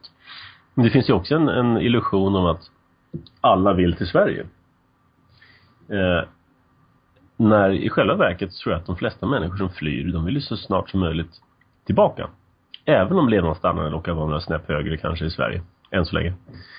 Ja, om det blev krig i Sverige så skulle jag ju vilja tillbaks hit efter kriget och det är... Jag menar, man, man lider av den här, eh, den här ologiska känslan av att hemma är där man har levt större delen av sitt liv och det spelar ingen roll om det blir en krigszon. När, när faran är över så vill man tillbaks, även om det är sönderbombat. Det såg vi efter Jugoslavienkrigen. Det var ju ganska många som flyttade tillbaks till, till eh, eh forna Jugoslavien. Mm. Eh, en del blev kvar naturligtvis för de hade redan rotat sig här. och många flyttade tillbaks eh, till där de kom ifrån. Och det är inte så konstigt att folk vill tillbaks. Mm. Men eh, sen, ja, vi kommer komma in lite på det också. Just Syrien är ju ett fasansfullt spektakel och det har ju läckt lite om hur det har gått i de så kallade fredsförhandlingarna som inte har blivit av. Men eftersom vi ändå var inne på SD. Det händer ju att folk även eh, folk, libertariansk människor, libertarianskt lagda människor börjar påpeka att ska man rösta på SD eller inte? Är det inte så att, att eh, det vore ett sätt att minska vansinnet i vissa frågor? Jag ställer en rak, eh, framförallt... ställer en rak fråga till dig då Hans. Mm. Om du var tvungen att rösta på ett parti idag, vad skulle du göra? Om jag var tvungen att rösta på ett parti? Vad skulle du rösta på? Du behöver inte svara, men det vore intressant om du svarade. Nej, men alltså det jag kan göra ett argument, jag kan göra fler argument varför man ska rösta. Jag kan, på Sverigedemokraterna, jag kan göra fler argument emot det också. Men vi kan väl säga som så här. Om det vore så att en röst på Sverigedemokraterna skulle leda till en bättre allokering av de pengar som ändå tvingas ifrån mig eh, och idag används på dysfunktionell flyktingmottagning till att till exempel se till att flytta pengar till de som har det svårast. Så är det alltså ett argument att rösta på SD, även om SD är ondskefulla pruttrasister eller vad man nu vill, vad man nu vill anse liksom. Um, ytterligare en anledning att, lägga röst på SD är för att man föraktar, eh, jag föraktar hela politiska spektrat. Uh, men det finns ju så här traditionellt underdog-röstande. Jag, jag, förstår precis varför för folk röstar på missnöjespartier och jag sympatiserar med det. För att jag sympatiserar med missnöje med det politiska spektrat. Mm. Med, med det politiska spelet överhuvudtaget. Sen finns ett antal anledningar till varför man inte skulle rösta på SD. Det finns väldigt mycket klåpar inom SD som skulle kunna ställa till med hur mycket dumheter som helst. Um, det finns naturligtvis en historik som, som man kan oroa sig för. Sen är SD ganska bra på att ha interna utrensningar. Uh, de, de ska ju ha en... Ja, uteslöt hela ungdomsförbundet. Ja, jag tänkte ju säga det att det finns inget parti som är lika hårda på sin ideologiska renlevnad som SD. Skulle vara... Går du inte med på öppen svenskhet och eh, socialkonservatism så är det ut som gäller. Det skulle vara det nationalsocialistiska tyska arbetarpartiet då möjligen som ja, genomförde ja. liknande utrensningar i sina Nej men, det här, det här är en intressant sak att visst om vi tänker så här, tänker vi oss att jag, jag är en tråkig rasist som bor i Sverige, vad röstar jag på? Ja, sannolikt SD. Men det är ju också en sån här sak, om man inte anser att vi har haft en ökning av ondskefulla rasister i det här landet på så 15% på sex år. Så är de flesta som röstar på SD inte rasister. Och likaledes, det finns jättemånga klantarslen bland kommunpolitikerna. Och det finns en hel riktiga rötägg som tanten som ville sätta en kulspruta på Öresundsbron. Ja, bevisligen så är hon störd i huvudet. Men de flesta sd är inte ondskefulla rasister. Nej. Sen, sen visst, det finns de som kommer tycka att nu, nu, nu är jag en ondskefull rasist som säger så här. Men skulle jag vara tvungen att rösta på något? Ja, SD är fortfarande ett alternativ, ja. Jag kan inte se SD som mer parti som alla andra. Och om man tror att den största risken för Sverige och för alla andra för all del är att vi att vi så gravt eh, felhanterar flyktingkrisen så, så finns det anledning att rösta på SD. Det är ju så. Var, varför visar senaste mätningen att 25% av Sveriges befolkning på allvar tänker rösta på SD? Ja, uppenbarligen för att man oroar för att resten av politiska spektrat är helt dumma i huvudet och det här är den fråga man oroar sig mest för. Sagt, men ja, lyckligtvis så röstar jag inte och har ingen avsikt att göra det heller. Um, uh, mm. Är du nöjd nu Klaus? Ja. Nu har du fått mig att säga att jag eventuellt kanske möjligen skulle rösta på SD. Ja, nu är jag väldigt nöjd. Uh, och jag, jag kan bara instämma säga... att jag, jag resonerar på precis samma sätt. Uh, finns ett... Däremot tänker jag säga, uh, för att det är ändå en libertariansk publik vi gör det här för, att det betyder inte att jag tänker rösta på SD, för jag tänker inte rösta. Och tro mig, röstar du på en politiker så får du skylla dig själv. Det spelar ingen roll på vilken. Ja, ja, absolut. Eh, när det sen drabbar dig själv, då får du skylla dig själv. Ja, så att nej. Jag, eh, jag vill inte ha deras eller någon annans dumheter. Och sen är det så här, jag tänker också 20 år framåt. Då vill jag kunna säga nej. Eh, jag var inte med. Nej, jag var inte ansvarig för någon av de katastrofer som har hänt. Um, men om vi ändå ska diskutera SD, och det kan vi för all del göra, det är ju ett, det är ett politiskt fenomen som är i princip utan motsvarighet i, i svensk politisk historia, åtminstone i efterkrigstiden. Jag menar, vi hade ny, ny demokrati som var upp som en sol och ner som en pannkaka på bara ett par år. Men SD har ju, håller ju på att etablera sig som det, en av de tre partierna i Sverige. Socialdemokratin, Moderaterna och Sverigedemokraterna. Och Moderaterna är på fallrepet. Som Så är det. ett av de två partierna i Sverige. SD Ja, det finns ju de som säger det också. Att det kommer bli SD mot partiet i framtiden och att resten kommer bara blekna bort. Och det skulle ju vara en ytterst tråkig framtid kan jag ju säga. Men, men visst, absolut. Det är, inget skulle förvåna mig. Och jag menar, SD som parti är en form av socialdemokrater. Det vet alla om. De tycker inte riktigt om marxism, däremot tycker de om folkhemmet och den medföljande välfärdsstaten som är byggd på marxistisk grund. Men ja, det är ju lite svårt där med att vara politiker. Mm. Eh, Men de är ganska sossiga.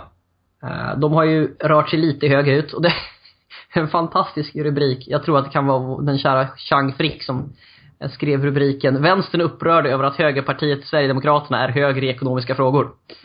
Eller något åt det hållet. Eh, Han är bra på rubriksättning. Så att visst, Sverigedemokraterna är inte riktigt Moderaterna i ekonomiska frågor, men inte så långt ifrån. De är närmare Moderaterna än sossarna. Men, menar gammelmoderaterna antagligen, för nymoderaterna är Ja.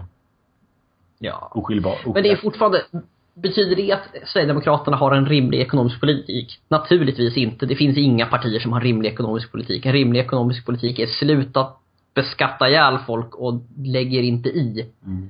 Men de vill ju säkert jättemycket som att fixa, fixa bättre tåg och det ska vara bättre de, de, de ska fixa ett bättre djurskydd och de ska fixa De ska värna svensk kultur genom att göra obligatorisk eh, träskodans eller någonting. Bidrag till Träskodansarnas riksförbund och massa såna här saker vill de säkert ha. Så att det kommer inte finnas, det finns ju ingen brist på saker som de skulle vilja ösa dina och mina skattepengar på. Nej. Och sen har vi hela den här socialkonservativa biten, så jag vet- inte sjutton vad det är för någonting alltså. Men i, i min värld så kommer kultur och civilisation underifrån. Det har aldrig kommit uppifrån någonsin. Så att tvinga folk att gå i inte. folkdräkt och kn- och knätofsar, det, jag, jag tror, Ja, det får folk gärna göra om de Ja. vill. Men man ska ju inte försöka göra en grej av det mer än det är. Jag menar, jag tycker också om gammaldags kultur. Det är väl jättefint. Men jag vet inte om... Sverigedemokraterna säger att de är socialkonservativa. Jag vet inte om de tror på det riktigt själva. Det, det känns också som en sån här sak som någon fick en tanke och sen blev det ett bra politiskt slagord och sen kör vi. Ehm, det, det låter bättre än nationalism i dagens politiska diskurs. mm. Men eh, nej, så att Sverigedemokraterna, vad ska jag säga, det är ett parti. Eh, jag vet att det finns de som, som ger upp och går och röstar SD för de känner att resten av politiska spektrum är bara mög. Ja, vad ska jag säga? Jag, Nej, men det folk röstar på bu eller bä, jag kan inte bry mig så det mycket. finns folk som anser att situationen är så pass allvarlig att något måste göras. Självförsvarsröstande helt enkelt. Jo, och det har jag alltid sagt att jag förstår självförsvarsröstande. Mm. Och om någon självförsvarsröstar på SD så tycker jag inte tycka synd, tycker jag inte tycka sämre om dem än någon som självförsvarsröstar på Miljöpartiet eller Moderaterna eller Folkpartiet eller vad ni nu vill. Mm. Och sen, har- Det- sen har vi det här begreppet med svenskhet. Mm. Öppen svenskhet som i och för sig är ganska intressant tycker jag. Ja, det, det är ju som så här att det är också, eh, Sverigedemokraterna beslutar ju för att de måste ju ha en politik som, som Ja, men alla, alla, för sent som några år sedan så tyckte alla att Sverigedemokrater var ondskefulla högernationalister som rasister och hu, hu.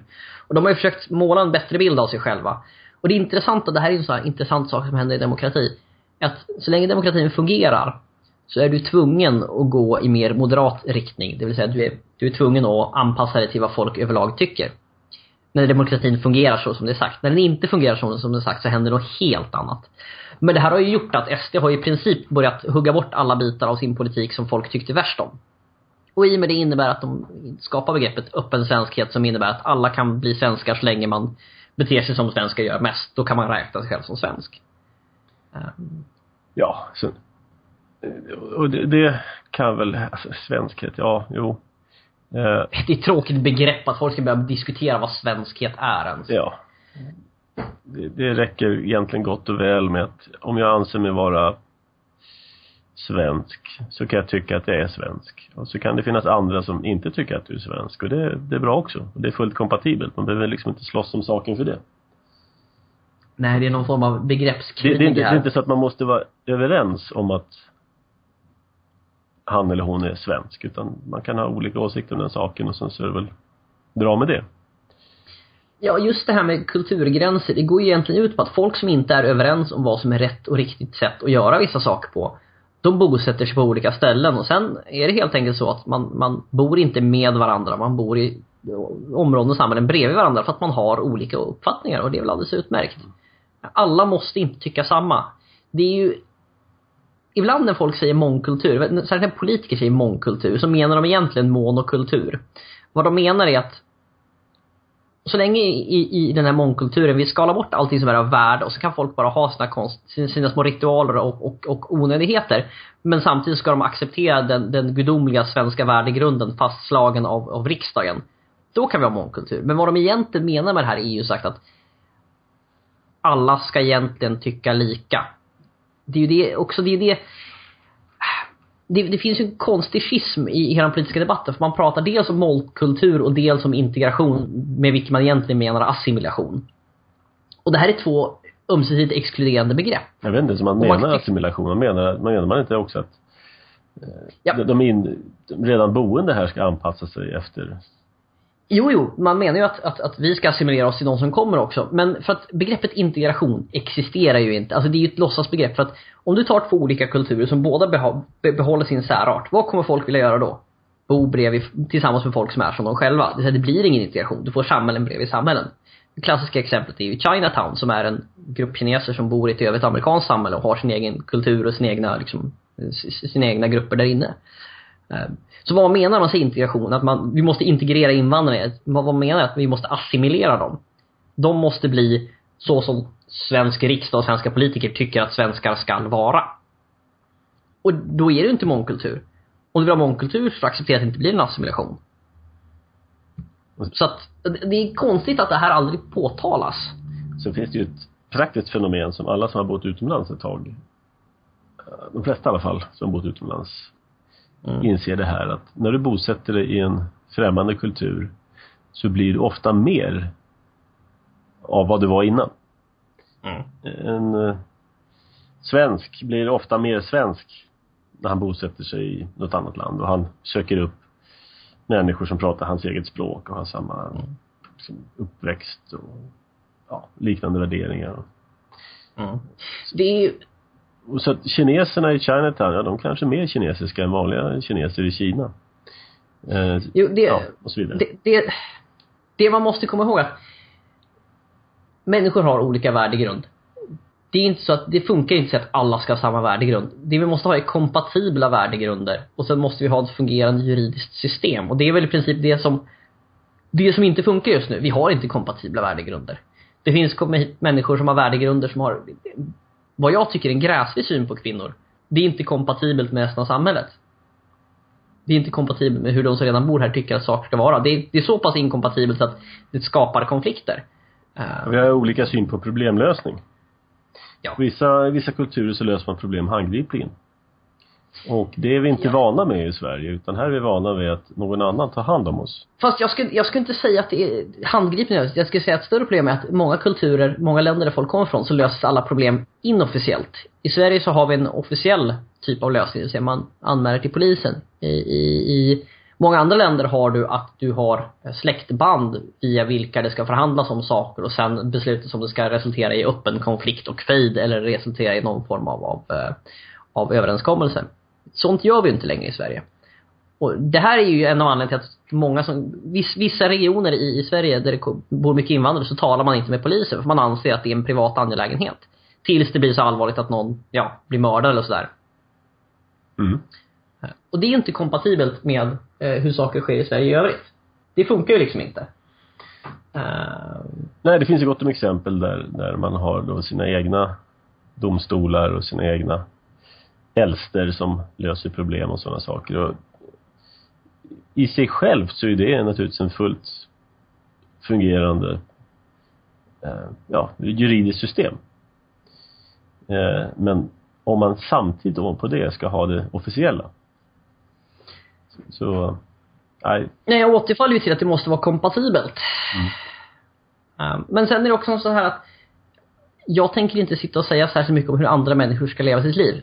Jag kan bäst säga någonting om vilka människor jag vill leva tillsammans med och jag föredrar att leva med folk som är ganska svennebanan. Eh, de beter sig som jag och jag känner mig ganska trygg med det. Eh, och det är inte svårare än så. Jag tänker inte säga att någon annan får inte bo här eller där eller bu eller bä. Det är inte upp till mig att säga. Man äger sin egen markplätt. Däremot så är det ju inte konstigt att folk väljer att segregera sig, vilket ju är något som håller på att hända i allt större utsträckning i Sverige. Och kommer fortsätta ske. Folk vill ha sin egen kultur runt sig. Ja, alltså jag, jag ser det som så att lösningen för Sverige med det här är inte mer integration utan snarare att låta den eh, den ganska långt gångna segregationen fortsätta och ha sin naturliga gång. Ja, det, det, blir ju så. Och då får man ju också acceptera det. Problemet är ju sagt juridiska system. Vi kan inte vara, vi kan inte låtsas att vi är en nation om vi lider under flera juridiska system. Eller kan vi det? Du får en åsikt Klaus. Jag vet inte, det... Jag hävdar, då blir vi ju per definition fler nationer. Ja. Men det är kanske så det måste bli för Sverige. Sverige kanske måste brytas upp i fler nationer. Och det, det, det kanske inte finns något annat alternativ. Jag vet att det finns inte någon där ute som lyssnar på det här som gladeligen skulle gå med på det.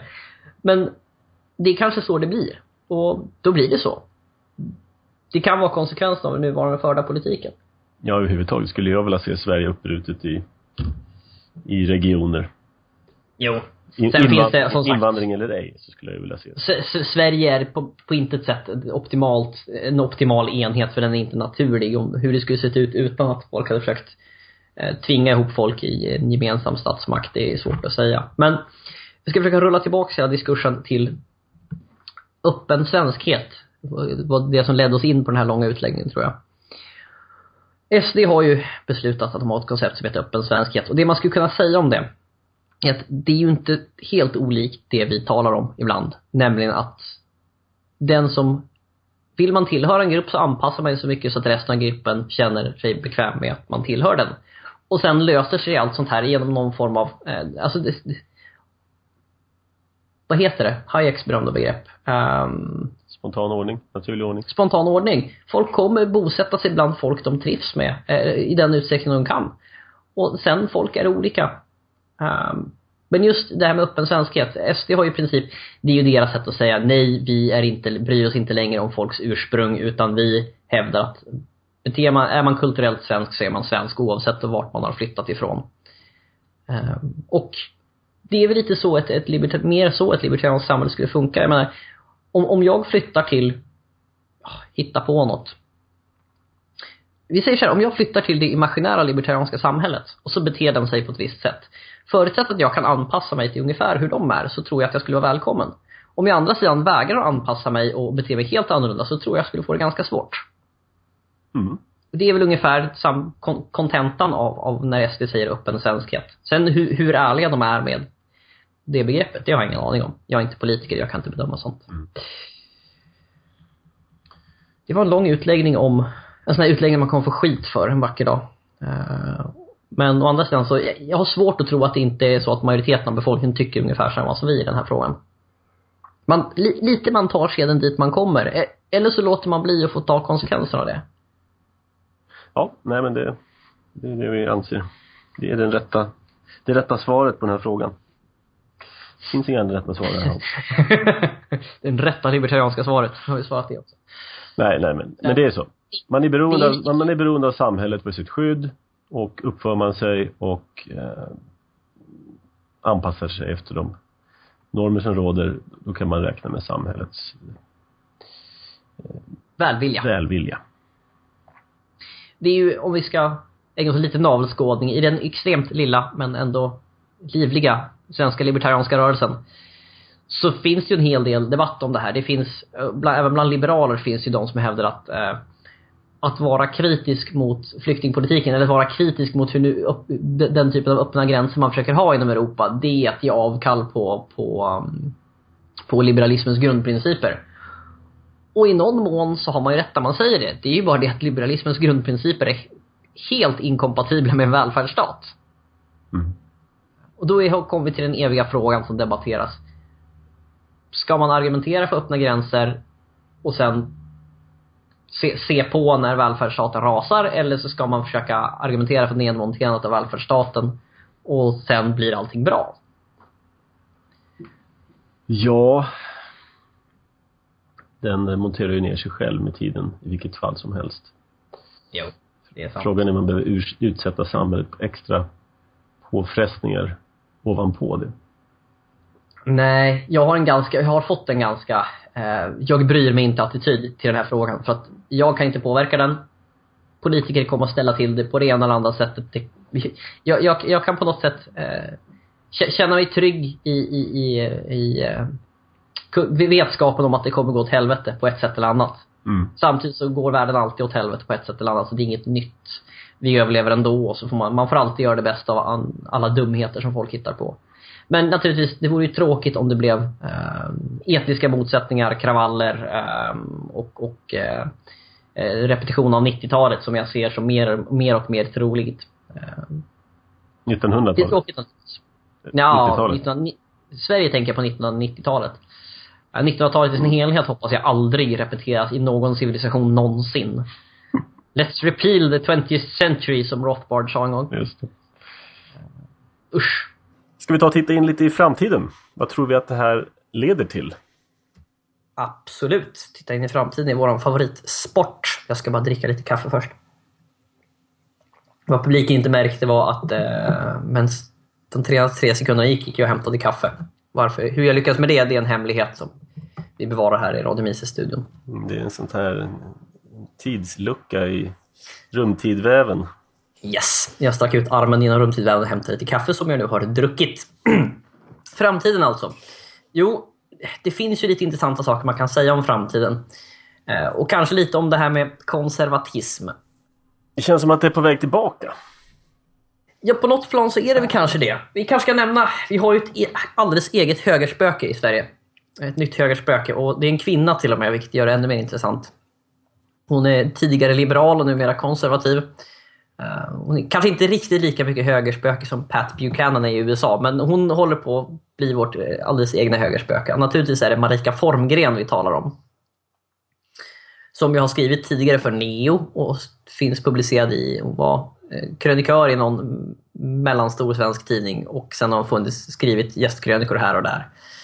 Hon, hon gav ju upp det här med journalistiken och märkte att det inte gick att komma igenom. Sen skulle hon utbilda sig till ingenjör vad jag förstått, skola om sig. Ja, Men det... hon, hon, verkar inte kunna riktigt lämna scenen. Med, mediala scenen. Nej, jag tror att hon är under utbildning. Det är en ganska lång utbildning till ingenjör. Men hon har väl, däremot så håller hon ju lite föredrag. Och det är ett sånt föredrag jag har sett nyligen.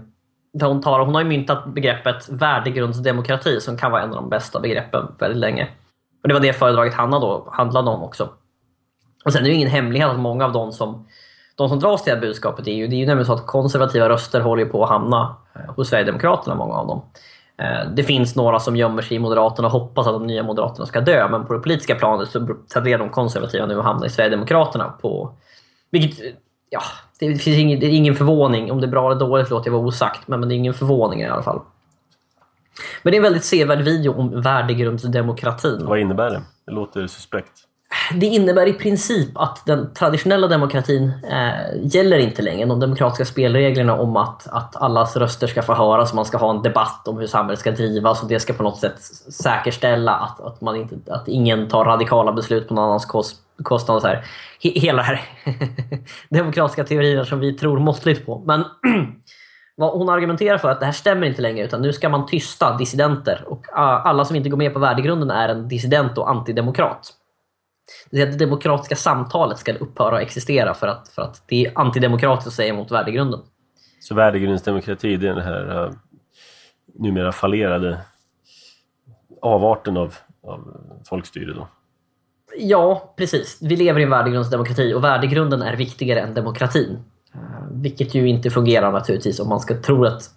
Om man tror på demokratin så, så är det helt rent ut sagt vansinne. Men, men det, ja, det är det hon hävdar har hänt. Hon drar väldigt många bra exempel på det här. Men när vi ändå pratar om värdegrund skulle jag vilja påstå att värdegrund är någonting som finns i ett samhälle, en kultur. Och det finns implicit. Eh, och det är naturligtvis någonting, ja det är själva fundamentet. Mm. Eh, men det blir suspekt när den ska eh, fastslås och klubbas i folkförsamlingar och sen rullas ut i stor skala över undersåtarna. Ja, de första riktiga värdegrundsarbetena var ju garanterat de franska jakobinerna under revolutionen som skulle bestämma att nu har vi skapat ett nytt fantastiskt samhälle så nu får ni inte längre använda er gamla kalender. Nu heter det inte januari och februari för det är gammalt mög. Nu har vi hittat på nya revolutionära namn för allting. Tio månaders år, tio dagars vecka och tio timmars dygn. Nu är ja, det som gäller. Välståndet ska fördelas så här, för det har vi bestämt är rättvist. Om ni inte tycker om det så är det schavotten som gäller. Och så vidare. Så att värdegrundsarbete, folk, många som ligger på socialliberala sidan tror att värdegrundsarbete är en garant mot våldsamheter och förtryck det må vara sant under vissa perioder och under andra perioder är raka motsatsen. Som jag sa tidigare, när demokrati fungerar så tenderar det demokratiska systemet att hyvla av de värsta åsikterna. Du kan inte ta dig in i en offentlig församling om du har de åsikter som flest inte håller med om. Och Det gör att såna här extrema åsikter tenderar att bli utknuffade. Men det är när demokrati fungerar. När demokrati slutar fungera så går den i baklås och då gör den precis motsatt. Då kan jätteextrema åsikter om, om att man får våldföra sig på andras eh, liv och egendom i väldigt stor utsträckning helt plötsligt få fullständigt förtroende i de, eh, i de demokratiska församlingarna. Ehm, så att man ska akta sig för att tro att vare sig demokrati eller, eller idogt värdegrundsarbete kommer, eh, kommer rädda oss från, från eh, tråkigheter. Då tror jag ju snarare att ja, det enda som jag kan säga är positivt med det demokrat, demokratiska tankesättet är att det finns någonting i att om alla får säga sitt så minskar väl kanske risken lite för att, att eh, övergrepp begås på andras rättigheter. Uh, men som sagt, det ska vi upphäva för har man fel värdegrund så får man ju inte säga sitt längre. Jag kommer tydligt ihåg när det här började, den här värdegrunds... Ja, det är inte så arbetet. länge sedan. Nej, för jag har många lärare i min omgivning. Och plötsligt så såg jag att det började dyka upp på deras agendor det här värdegrundsarbetet. Och mm. redan då så luktade jag mig till att det här var någonting mycket suspekt. Um, och det här, efter det har det ju spårat ur fullständigt. Och nu har vi en värdegrundsdemokrati. Ja, men det som är intressant med Marika Formgren, utöver att hon eh, skriver arga skrifter och dessutom är omtyckt av Sverigedemokraterna, vilket också är tecken i tiden, är att det finns ju tecken på att tro att det finns en begynnande nykonservatism. Kanske. Lite beroende på hur det går. Då är ju frågan, kommer SD bli ett konservativt parti på riktigt? Är de ett konservativt parti? Eh, jag skulle säga att de inte, det inte går att utröna i dagsläget. Eh, sen hoppas jag naturligtvis jag på att om det blir en konservatism så någon form av konservativ rörelse så är det för att folk vill ha det och sen så försöker politiker anpassa sig därefter och inte tvärtom. Men eh, konservatism i Sverige är ju ganska ovanligt. Visst har det alltid funnits konservativa, men de har ju sällan varit särskilt accepterade i det publika rummet. Från sosse-Sverige som ju, sossarna var ju en form av konstiga korporatister och i någon mån ekonomiskt konservativa för att de, de, de eh, ville bevara saker som det var. Innovation fanns ju inte plats för i sosse-Sverige till exempel. Eh, men samtidigt, efter sossarna så... Ja, jag, hur ska man säga? Eh, konservativa har aldrig haft särskilt mycket inflytande i Sverige. Traditionellt riktiga konservativa. Sosse-konservativa, som är konservativa på sossigt vis, har naturligtvis haft det. Mm. På tal om det så, du såg väl, eh, nu börjar ju näringslivet flörta med Sverigedemokraterna. Man positioneras ju nu inför maktövertagande här i framtiden. Jo, men samtidigt om, om Sverigedemokraterna är ett parti som konsekvent växer och näringslivet försöker jag ska vara snäll mot näringslivet. Jag ska säga när näringslivet försöker skydda sig mot kommande regleringar Naturligtvis kommer de inse att det här är ett parti man måste tala om. Jag, vad jag inte sa var att näringslivet försöker lobba för sina egna intressen, vilket de naturligtvis också gör. Mm. Men det är ju bara att läsa siffrorna. Hade Sverigedemokraterna haft 5% inte fasen hade näringslivet brytt sig särskilt mycket. Men när alla fattar att de är på uppåtgående. Ja, menar, måste man, ju, man måste agera därefter naturligtvis. Och fler och fler intresseorganisationer kommer försöka slut, slut, knyta kontakter med SD. Mm. Jag såg här, här i dagarna gick precis LO ut med en, en videofilm. Um, en anti-kampanj. Och det var, det var ganska roligt. Där försöker man då knyta Sverigedemokraterna till eh, det här med friskolor och hur det tas ut miljarder ur landet genom friskolor. Och, det var så ja. uppenbart att det här var en motreaktion på det där. Som sagt, LO, LO är de som har störst problem eftersom hälften av deras medlemmar snart är Sverigedemokrater. Nej, förlåt. Sverigedemokraterna är största parti. Eh, 30 någonting procent sympatiserar med Sverigedemokraterna, vilket är fler än, än Socialdemokrater som nu är nere som tvåa. Eh, men det är ju inte majoritet naturligtvis. Åter till spåkulan. Till spåkulan. Kommer det bli mer konservativa röster i, i Sverige? Jag tycker redan vi ser det i någon utsträckning. Är det bra eller dåligt? Det beror helt på vad de här konservativa rösterna säger. Kan de vara... Ta Alice Teodorescu som ett exempel. Hon betecknar sig som liberal konservativ. Hon är, framstår oftast som ganska sund. Jag ska inte säga alltid, för det är ingen.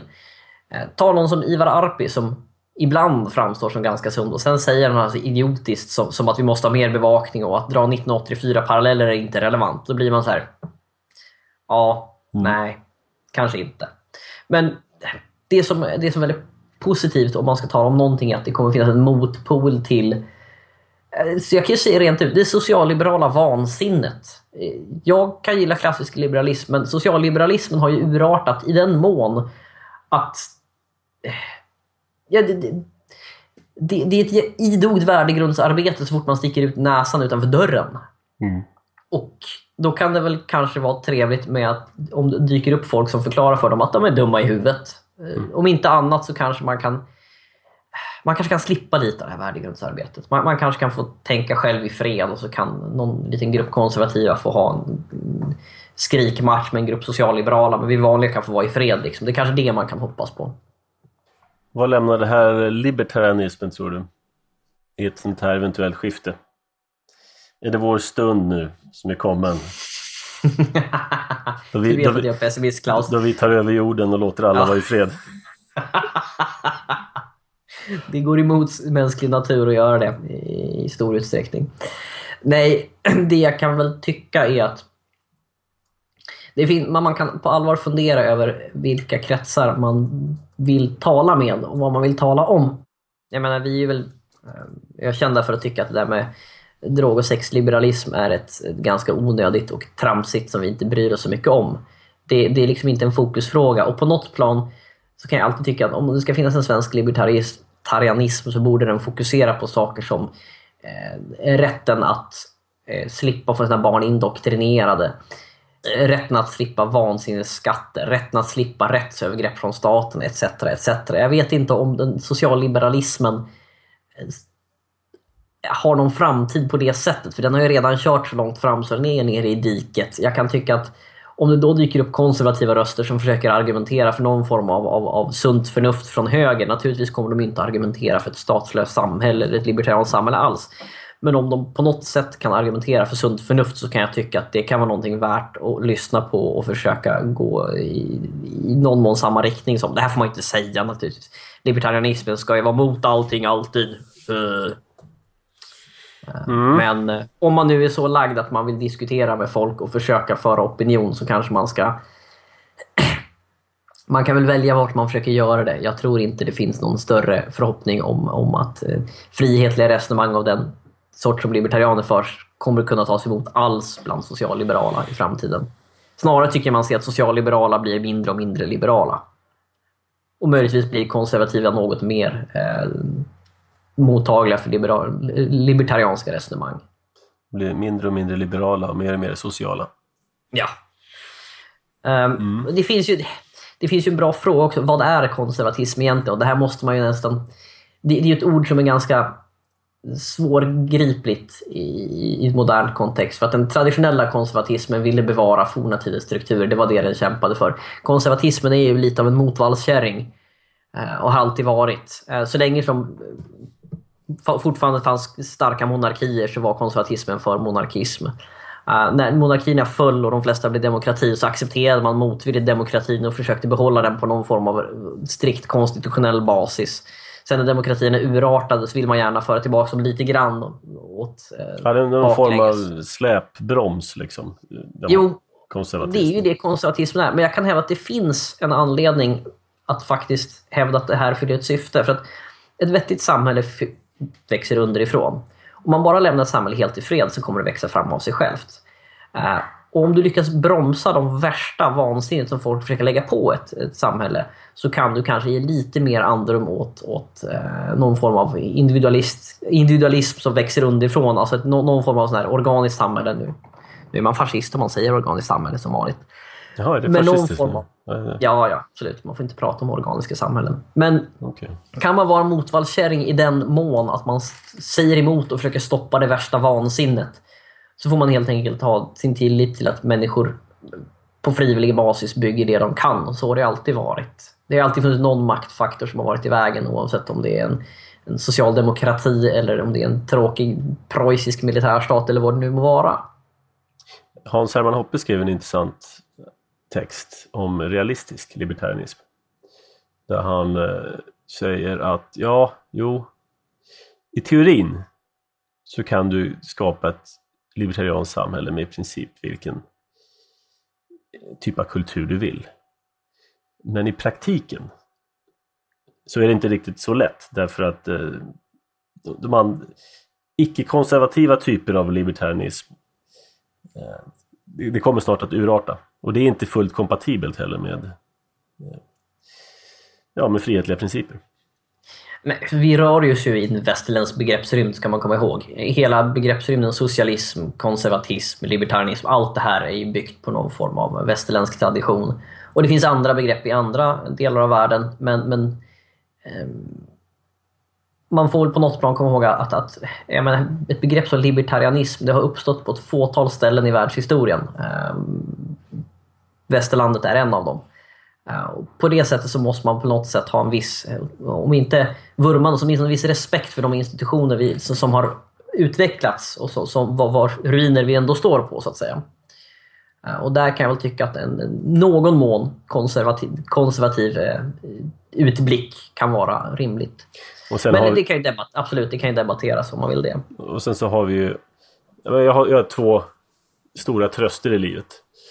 Det ena är att de onda en vacker dag kommer få det de förtjänar. Och den andra är att resurserna faktiskt är begränsade. Och det finns en gräns för när, när vansinnet inte längre kan fortgå. Pengarna tar slut. Ja, jo men visst är det så. Och... Och, och då om inte förr så inser människor att vänta, det var någonting som inte fungerade i det här människan lär sig väldigt långsamt, men bevisligen har vi lärt oss någonting de senaste 2000 åren. Det är bara att se omkring oss. Vi bor i ett mycket komplexare samhälle nu, ja, så visst är det så. Och även om man inte lär sig så sätter verkligheten en gräns för dårskapen. Ja.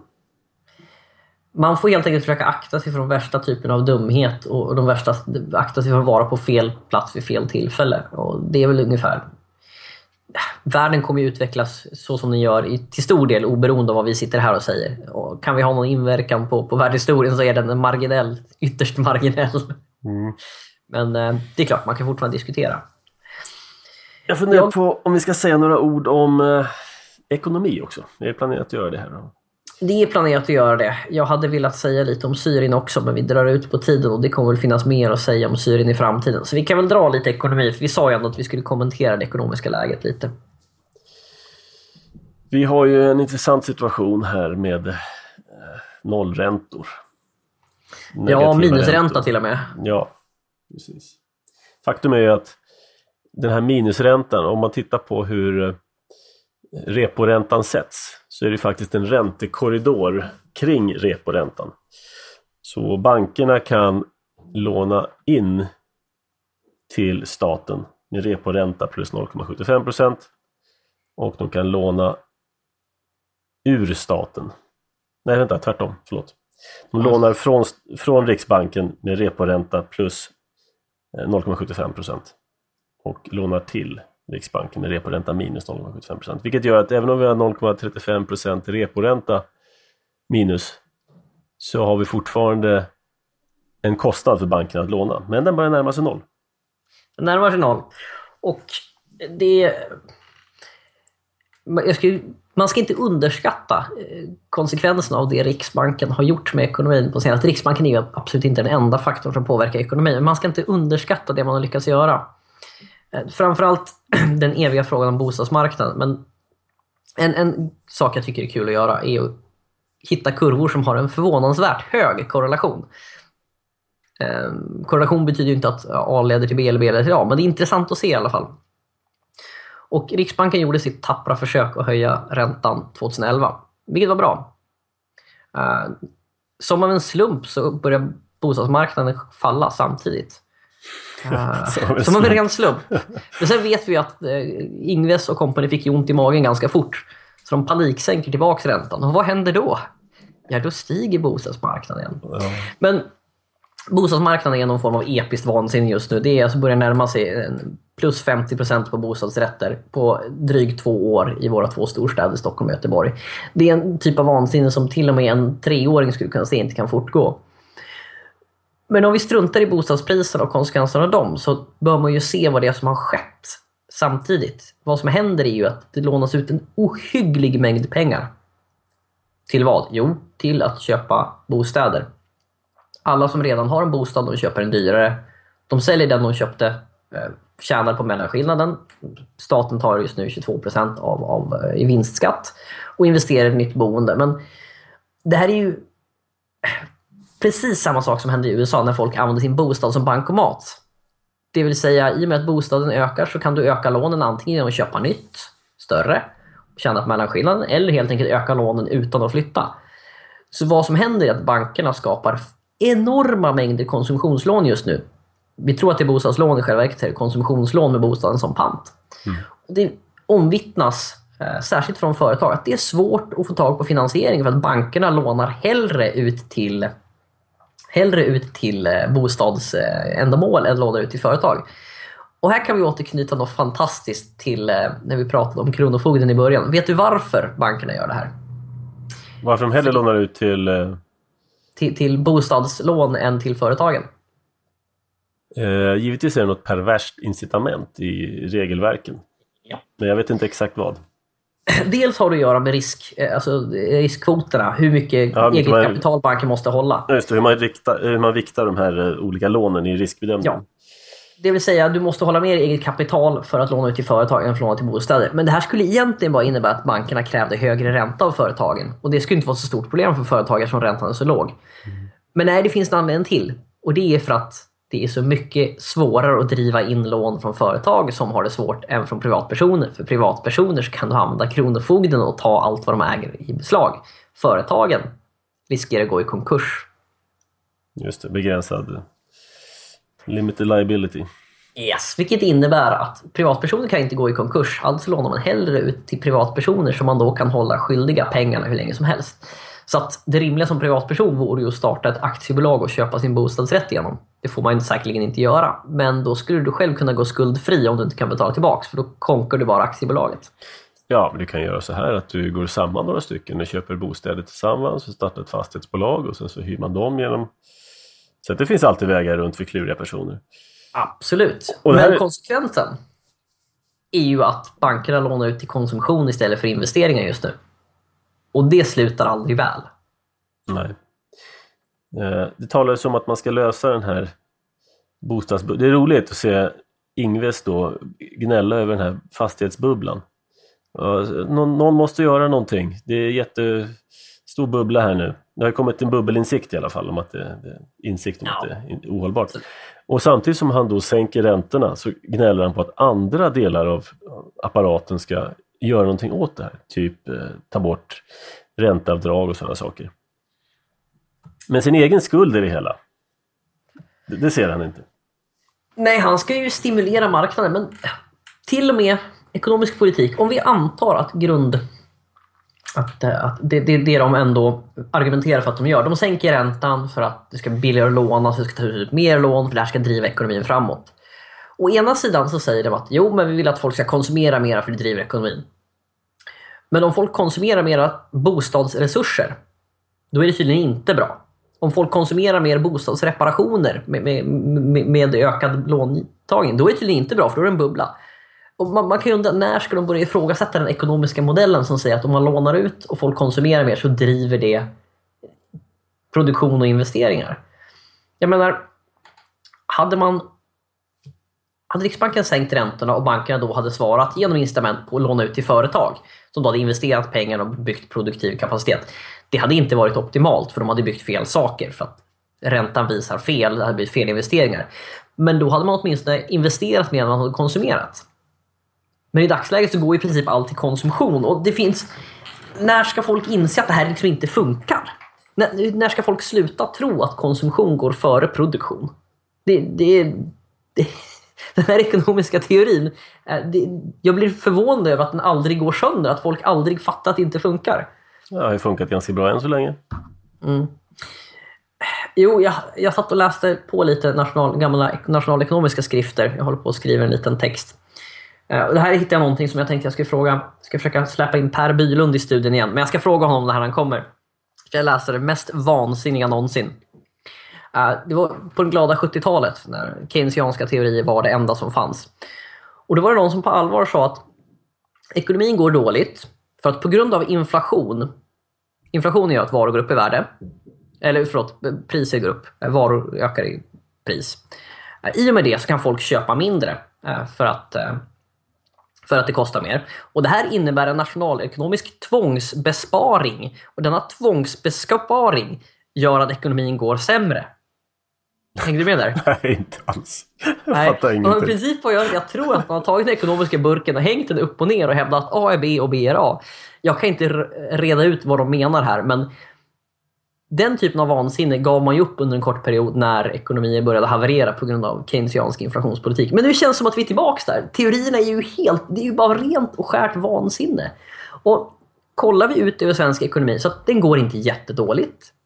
Men varför går det inte jättedåligt? Det som kallas räntedoping är ju anledningen till att vi inte haft en, en ordentlig lågkonjunktur. Och lågkonjunkturen kommer ju förr eller senare. Ja, ja det, det, är klart att den gör det. Det finns inget, inget sätt runt den. Eh, men, men det, det är som du säger, det är fascinerande. Hur kan, hur kan de tro att de är på rätt väg? Jag menar varenda högstadieunge har väl lärt sig om tyska inflationspolitiken på 20-talet. Alla vet att mer pengar ger högre priser. Men en, och, och, det slutar i katastrof. Och man, det finns gott om exempel utöver det. Det är det typiska exemplet. Men ändå så tror man att det är annorlunda den här gången. Ja men lagom mycket mer pengar Klaus. Det måste ju vara lagom mycket mer pengar. Ja. Det måste vara en fin, väljusterad räntepolitik. Dubblerad, pe dubblerad penningmängd var tionde år. Är finjusterat. Jo, och det går inte att säga hur illa det kommer sluta den här gången mer än att någonting ligger och bubblar under ytan. För att svensk ekonomi och hela, de flesta ekonomier just nu känns ganska skeva. Vi kan ju ta ett exempel på någonting som alla trodde gick bra. Eh, innan finanskrisen trodde alla att Island gick fantastiskt bra. Det var ju hur mycket investeringar och lönerna steg och fastighetspriserna steg och alla var lyckliga och glada. Tänkte man i Island. Och visst, inflationen var lite vagt hög där, men inget större problem och, så vidare. Uh, och hela, alltet var en gigantisk spekulationsbubbla. Nyligen har vi Brasilien. Alla var överens om att Brasilien är på rätt väg för att Brasilien har jättemycket fantastiska investeringar och de har övergivit sin tidigare katastrofala underskottspolitik och de inflaterar bara lagom. Eh, inflationen kanske är 7% men det är mycket mindre än de 30% det brukar vara. Så allting går jättebra och det är jättemycket investeringar. Och nu håller Brasilien på att gå käpprätt åt pipan för att budgetunderskottet för staten är enormt, inflationen är jättehög, räntan är hög, arbetslösheten är hög. Varför? Ja, det här är lågkonjunkturen som är svaret på tidigare felinvesteringar. Så på något plan måste jag tro att någonting liknande, jag säger ingenting om storleken på det, måste ju till slut hända i Sverige. Ja, det, det måste det göra och det kommer hårt drabba fastighetspriserna. Det drabbar ju oftast så upplåsta. Den sektor som har varit mest överinvesterad i eller överkonsumerad i är ju den som åker ut hårdast. Mm. Och för de som säger nej men det händer ju inte här för att vi är ju annorlunda här uppe i Norden. Jag menar kolla på Finland då. Finland har ju stått stilla sedan finanskrisen.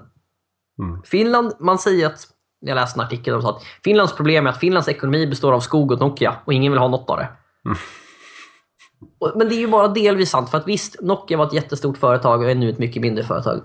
Skog, var, skog har sjunkit väldigt mycket i värde, framförallt för att man säljer så mycket mindre pappersmassa för att ingen köper papperstidningar. Så att visst, skogsindustrin går dåligt för, men i en sund ekonomi så skapas det ju andra industrier, folk får andra jobb, det produceras andra saker. Så det kan ju inte, grundproblemet kan inte vara att världen förändras. För det gör den ju jämt. Grundproblemet är att finnarna inte klarar av att anpassa sig för de har För höga skatter, för höga bidrag, politiska bekymmer. Ja, när man, när man ger sig in på den här, för att knyta tillbaka till inflationspolitiken, när man ger sig in på den där och börjar ta sig, um, börja, börja mecka med räntan och dopar ekonomin. Du kan ju i princip, det krävs ett oerhört politiskt mod för att backa det där. Och där gav vi ett exempel just på, på Ingves då på 2011, när han, man försökte. Men man såg att det höll på att braka ihop, så man vågar inte. Därför fortsätter man dopa det. Man, det modet att göra det som behövs, det är väldigt sällsynt. Ja, för det kostar ju. Och, och det såg ut, de, de backade 2011 och då såg det ut som åh nej, vi är på väg in i lågkonjunktur. Och då hade vi kunnat säga ja, det är det som är poängen. Mm. Du höjer räntan för att återgå till ett rimligt tillstånd och få ut alla felinvesteringar. Och då är det klart du får lågkonjunktur. Det är ju hela... Det är ju det som händer, det är det en lågkonjunktur är. Men det vill man inte ha. Så då öste man ut pengar tills det stod ut genom öronen på en igen. Jag minns att eh, när jag jobbade i finansbranschen så var det en kollega som brukade säga att det är alltid Riksbanken som sabbar konjunktur. Eh, och det här var innan jag riktigt förstod hur saker och ting hängt ihop. Hade jag förstått det då så hade jag sagt att det är också alltid de som eldar på konjunkturen. Ja, ja. Riksbanken gjorde ju något jätteintressant i slutet av 90-talet. Efter 90-talskrisen, för att, för att få stopp på inflationen så gjorde man det man gör för att stoppa inflationen. Du drar, du, du, du drar upp räntan och stoppar utflödet av nya pengar. Det ser till att det blir inga nya pengar. Vi hade till och med vag deflation. Vi hade sjunkande priser av 0,3 procent under 96, 97, 98 någon gång. Så var det något år där det var alltså vagt sjunkande priser på riktigt. Och det skreks ju något enormt från politiskt håll om att varför håller ni räntan så hög? Varför ser ni till att det går så dåligt för Sverige? Varför gör ni så här? Och Riksbanken svarade torrt att vi måste ha förtroende för inflationsmålet etc. etc. Men det var ju senaste gången de gjorde någonting rätt. Det var ju på slutet av 90-talet. Och det är likadant i USA på 80-talet. De försökte dra på Volcker inför, inför rätta för att han höjde räntan så mycket. Ja. Och så stoppade han ju inflationen tillfälligt naturligtvis. Men, men det är liksom, det, det är på den nivån det är. Men det är också det var, det är intressant då, 90-talet. Då la man ju om hela Riksbankens uppdrag. Man fick en helt ny, Riksbanken fick ett helt nytt uppdrag. Och man började då med höga räntor med dagens mått mätt. Det går naturligtvis inte att säga om det var rätt ränta men det var betydligt högre än vad det var idag. Jag tror vi var på ett 8% eller någonting sånt där. Ja, det var någonstans där. Uh, och, men därefter har det varit en enda lång utförslöpa med några små försök till, till höjningar längs vägen. Eh, så, så, att drar man ut det här så närmar vi oss nu på riktigt negativa räntor. Vi är som sagt inte på negativa ännu därför att vi har den här räntekorridoren. Då. Men snart kan bankerna låna av Riksbanken och få betalt. Ja. Och för, no för ett par år sedan, eh, för inte så länge sedan, kanske, jag kanske, kanske mindre ett år sedan, jag kanske har sagt det här i podcasten, så brukar jag säga att ja, ja, men det kommer i alla fall bli inte, li inte bli lika illa som på 90-talet. För så, så, den typen av vansinne har vi inte ställt till med. Vi kommer få en lågkonjunktur, vi kommer få högre inflation, vi kommer få högre arbetslöshet, vi kommer få kronan kommer sjunka i värde etc. för att kronan är en skvalpvaluta som internationella investerare drar sig tillbaka från. Men jag tänkte men det kan inte bli lika illa som på 90-talet för då var det ju riktigt fiasko över alltihopa. Det var ju många, många års katastrofal ekonomisk politik. Men jag är inte så säker längre. Jag, jag undrar ibland på allvar om det kan bli lika illa igen. Ehm, det, det, för, för, att man ska komma ihåg att då hade vi alltså en inflationstakt som som den var som värst låg den på 15-16 procent. Framförallt höjde man momsen så mycket så priset på allt gick upp. Men vi hade ju även en arbetslöshet som, om man mätte med samma mått som man gör nu, hade mätt med det då, så hade den varit 16,5 procent. Då sa man att den var 10, men i själva verket så var den 16,5. Men... Och då är vi uppe i spansk-grekiska nivåer. Liksom. Men du hade en mer allmänt eh, spridd inflation på den tiden. Idag ligger inflationen i fastigheter, aktier, men inte så mycket i konsumentpriser. Jag undrar om det har skett, om det är någon, eh, eh, någon typ av reglering som har dirigerat om inflationen mer till tillgångar. Ja, det är ju svårt att förutspå. Om du öser ut nya pengar, det går egentligen inte att förutspå exakt var de kommer hamna. Det är ju så. Och, men, om vi säger som så här, i och med att, som vi tidigare sa, bankerna föredrar långivning till bostäder så är det ju inte så svårt att gissa att bostadspriser kommer vara en av de saker som stiger i värde. Men sen handlar det i slutändan om de som då lånar till bostäder och ser bostadspriserna gå upp. De kan öka sin belåning, de får loss, får loss finansiella medel på det sättet. Vad gör de med de här pengarna? Eh, och ja, att, att de sen skulle använda pengar för att handla aktier. Men om det är folk som, som känner sig, jag har tjänat pengar på bostadsmarknaden, nu ska jag investera dem i någonting, säger de och går de och köper lite spekulationsaktier. Det är väl en helt orimlig tanke. Jag tror ju också att det här är en teori som jag inte kan belägga, men vi kan, vi kan lägga fram den. Min gissning är att om du om, om du lånar ut mer till företag än till privatpersoner, det vill säga du lånar ut till företag som ägnar sig åt produktiv industri. Det kommer ju naturligtvis då driva upp priserna inom industrin. Det kommer bli konkurrens om kapitalvarorna, det kommer bli konkurrens om arbetskraften etc. etc. Det är möjligt att återkopplingen mot konsumentpriser går fortare den vägen än om du lånar ut till någonting som bostäder som just nu beter sig som en finansiell investering fast det inte är det. Det är ju en typ av långsiktig konsumtionsvara också för att bostäder sjunker ju egentligen i värde för att du måste reparera dem etc. etc. Men det är en teori som jag inte kan belägga just nu för att jag vet inte om det finns någon bra teori om vart inflationen hamnar.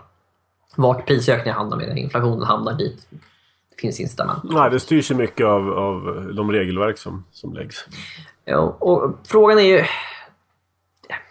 Det, det, är så svårt att spekulera i vad som kommer hända också. Um, jag hade ju kunnat tro, alla rimliga människor trodde väl att eh, drar du räntorna så här lågt och har så här stor ökning av penningmängden, uppenbarligen måste priserna på nästan allt stiga. Det visar sig att det gör de ju inte. Priserna på vissa saker stiger, andra saker stiger de inte.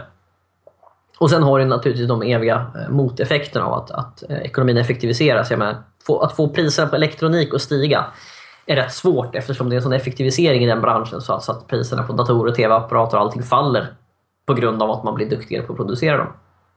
Snabbare än inflationen driver på? Ja, just nu i alla fall. Eh, inte i Venezuela naturligtvis. Där ökar nog priset på tv-apparater ganska fort ska ni se. Men det är väl lite annan, annan eh, liga i dagsläget. Jag tror inte det säljs så mycket tv-apparater där just nu. Det är mera mjölkpulver och dasspapper. Ja, dasspappret är också slut. Men eh, om vi ska ta lägga någon minut här på den här negativa räntan. Mm. Vad är detta för typ av eh, varelse? Är, är det liksom rimligt, möjligt att räntan är negativ? Och kommer det leda till att folk får betalt för att låna sina hus? Ja, då måste ju räntan då måste ju räntan ända ut i konsumentled vara negativ och det är den ju inte än. De som har billigast bolåneränta just nu, eh, vilket är den lägsta räntan som folk kan få, eh, den är ju fortfarande någon procent. Med rabatter så i vissa fall eh, kan du få ner strax under en procent i vissa speciella fall. Men den är fortfarande positiv ska man komma ihåg. Bankerna också som du nämnde tidigare, det är fortfarande så att de betalar faktiskt eh, för att låna från Riksbanken. Och de betalar mer för att låna från obligations... Om de säljer obligationer. Du kan inte sälja en obligation med negativ ränta. Jo, nu gör jag igen, det är klart du kan. Tyska staten har ju lyckats ge, ge ut statsskuld där folk betalar 100 spänn för att få tillbaka 99 spänn om ett antal år. Det har ju att göra med att de vill ha säkra placeringar. Nu gör jag så här luftcitationstecken här. Mm. Ehm, men än så länge så är det ju bara vissa statslånepapper som har gått till riktigt negativ ränta där du alltså får negativ avkastning. Ehm, ska det komma ut i konsumentled? Ja. Alltså, driver du reporäntan tillräckligt långt ner så är väl det konsekvensen antar jag. Ja, det borde bli det. Jag menar om du tittar du på Riksbankens prognos, den som aldrig slår in, mm. eh, men de har i alla fall ett, ett konfidensintervall runt var de tror att reporäntan kommer hamna. De har, de har alltså ett konfidensintervall kring var de tror att de kommer själva sätta räntan i framtiden. Ja, det tycker jag är helt fantastiskt. Ja, jag tror att jag kommer göra så här i framtiden. Mm. och, och det är så bisarrt.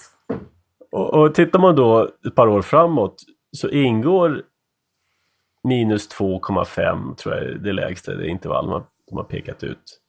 Och jag tror att vi kommer hamna på minus 2% innan det här fördraget är slut. Säg att du får minus 2% Då mm. kommer bankerna få betala om jag kommer ihåg intervallet rätt så är det 1 mellan in och utlåning. Så då kommer de få betala bank, de kommer betala 2, 3% för att låna ut pengar till Riksbanken. Och de kommer få låna för, de kommer få 2% av Riksbanken om de lånar. Det vill säga de lånar 100 spänn av Riksbanken och sen betalar de tillbaka 98 Just det. Princip, på korttidslån. Mm. Och då är frågan, ja, kommer det här räcka för att de ska de vill ju bli av med pengar. De vill inte stoppa in pengar tillbaka till Riksbanken för att det kostar, utan de vill ösa ut det här på kunderna. Ja, visst. Och kommer de vilja ösa ut det så mycket så de säger du, eh, om du lånar 100 spänn för att betala tillbaka 99 om ett år. Det tror jag absolut. Därför att det, det intressanta är ju för en bank skillnaden, alltså ränteskillnaden mellan in och utlåning. Jo, och alltså, jag, banker lever ju på räntedifferensen. Precis, och kan jag då få två spänn av, av Riksbanken för att låna. Eh, så ger du en spänn till, till eh, låntagaren. Precis, så behåller jag en krona själv. Ja, alltså visst. Driver du tillräckligt långt så är det ju inte omöjligt. Och då kommer vi få se då kommer vi få se de mest fantastiska pyramidspelen i världshistorien. Där alla vill skicka de här pengarna ut, låna ut dem så fort som möjligt till varandra för att tjäna på räntedifferensen. Då kommer ju vanligt folk dra med i den här leken också. Det kommer inte hålla så länge för att... Nej, det kommer inte hålla länge. Då närmar vi oss the, the crack-up stage. Ja, jag tror att du, får, du kommer få på vissa räntemarknader och på vissa penningmarknader så kommer du få såna konstiga paraboliska effekter som kommer göra att det här kommer haverera fortare än snabbast. Eh, framförallt kan jag tänka mig att jag kan ju tänka mig att, att, om det här skulle ta fart så kommer du få en penningmängdsexpansion som kommer vara inte av denna världen. Du kommer alltså inte prata om 5-10% ökning av penning, penningmängden per år utan du kommer prata om något helt annat. Och hur dum jag än tror Riksbanken är, så att om, om de ser 30% penningmängdsökning per år så misstänker jag att de kommer göra någonting. Sen om de gör det i tid, det vet jag fasen. Men jag tror personligen inte att det går så långt. Jag tror inte de kan få ner räntan i minus 2%. Jag, jag tror att något annat händer först, om vi säger så. Här är min förutsägelse Hans. Mm. Någon gång under 2017 kommer räntan vara minus 2%. Mm. Ja, nej, jag är faktiskt villig att satsa ett par kronor på att det inte kommer hända. Mm, vi får se. Um, men det, det, man undrar lite är ju... De här människorna måste ju inse på något plan att minusränta är ett, en typ av manipulation som på intet sätt någonsin kan anses som naturlig. Det kan inte anses... Det jag försöker komma fram till är, hur kan någon på allvar tro att det här skulle vara ekonomiskt sunt? Framförallt skulle jag vilja hävda att ekonomiska läget nu är hundra gånger bättre än det var 2008-2009. Varför har vi då lägre ränta nu än då? Och Riksbanken har ju snöat in på det här med KPI-inflationen, deras fantastiska inflationsmått som, som slår fel så fort någon kollar, ser, läser fel prislapp på en sko, vilket hände 2009. Och det jag undrar är, man kan säga som så här, jag har sagt i alla tider, vi har publicerat den här. Jag tror att det var eh, Fredrik som, som publicerade en artikel på, eller en bloggpost i alla fall på Mises, där han diskuterade just skillnaden mellan KPI och KPIF. Två inflationsmått varav det ena påverkas.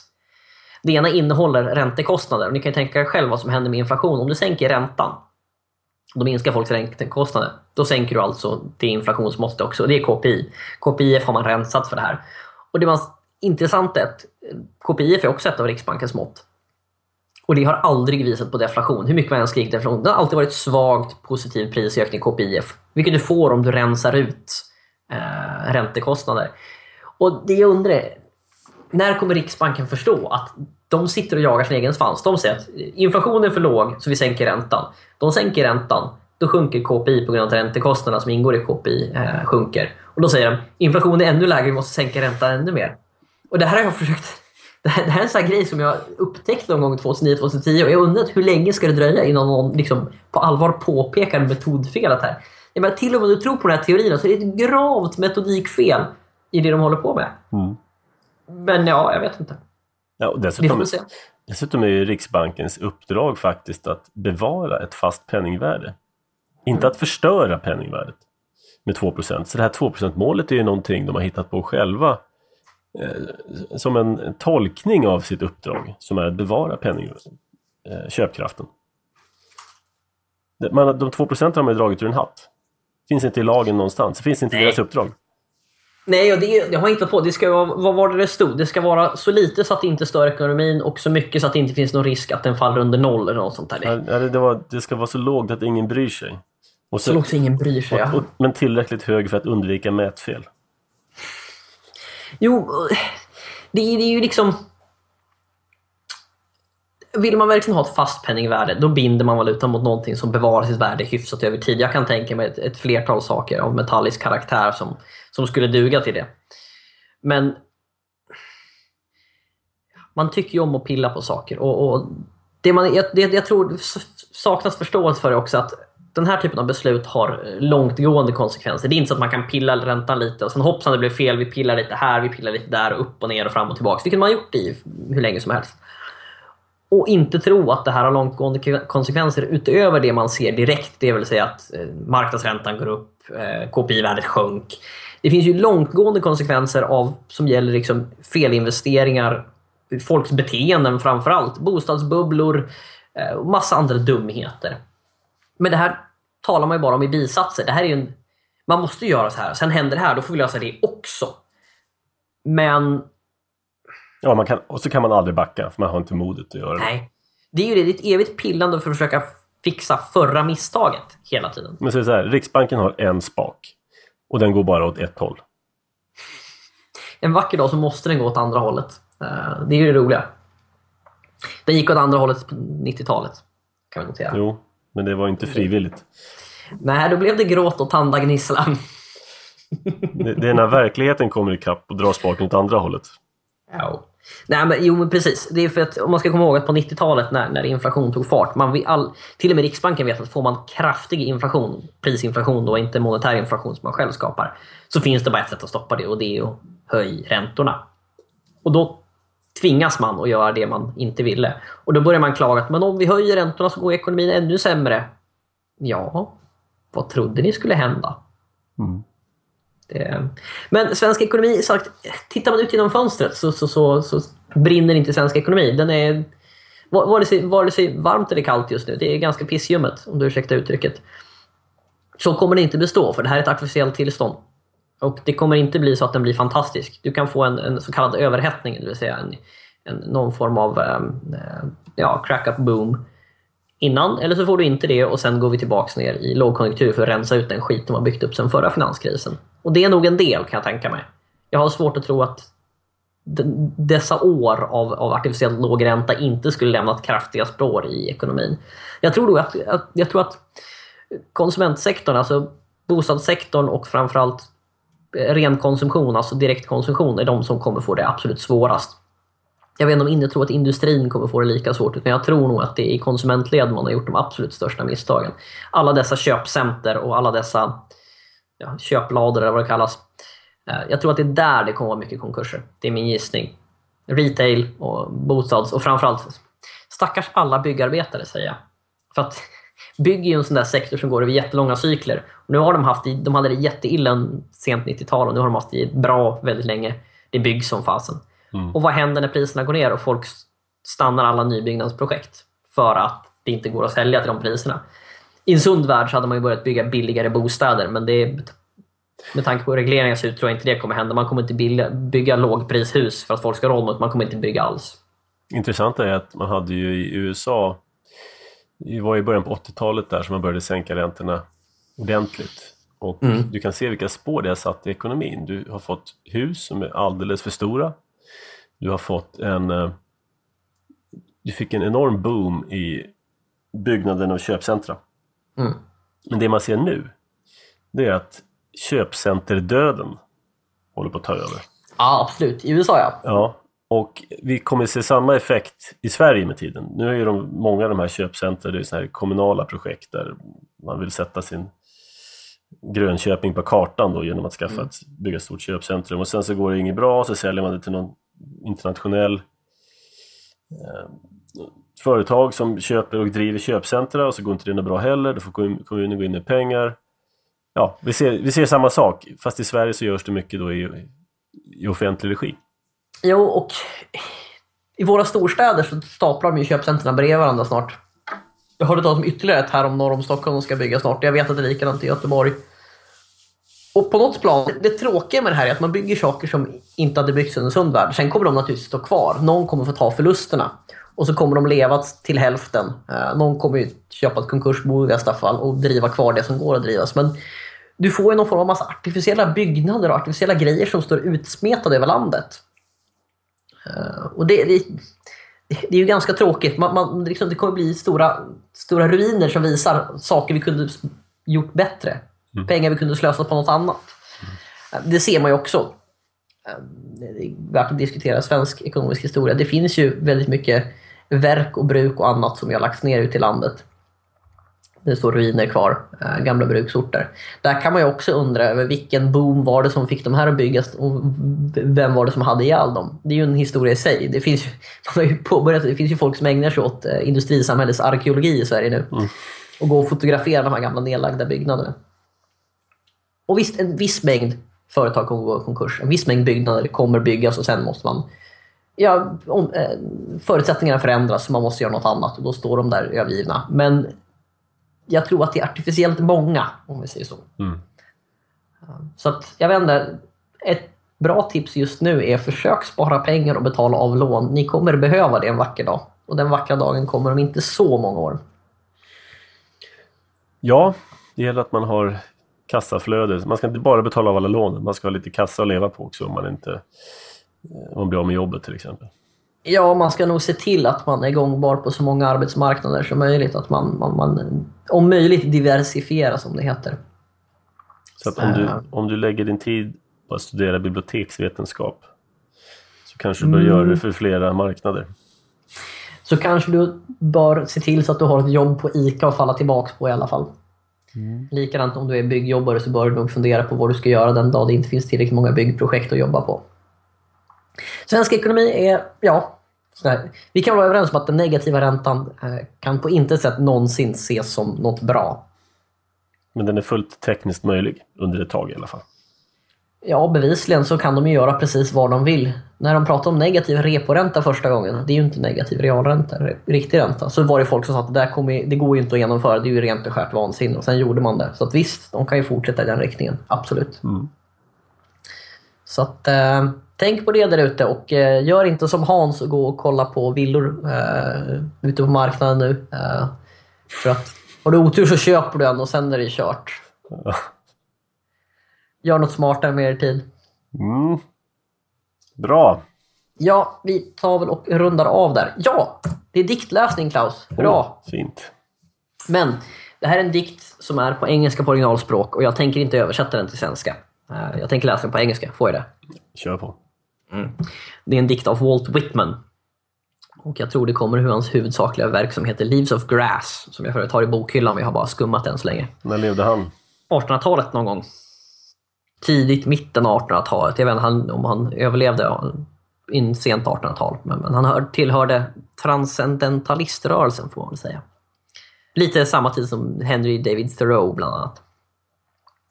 Ha, eh, jag tänkte läsa den här då. Den heter To the States. Det handlar då rimligtvis om de amerikanska delstaterna. To the States, or any one of them, or any city of the States, resist much, obey little. Once unquestioning obedience, once fully enslaved. Once fully enslaved, no nation, state, city of this earth ever afterward resumed its liberty. Mm.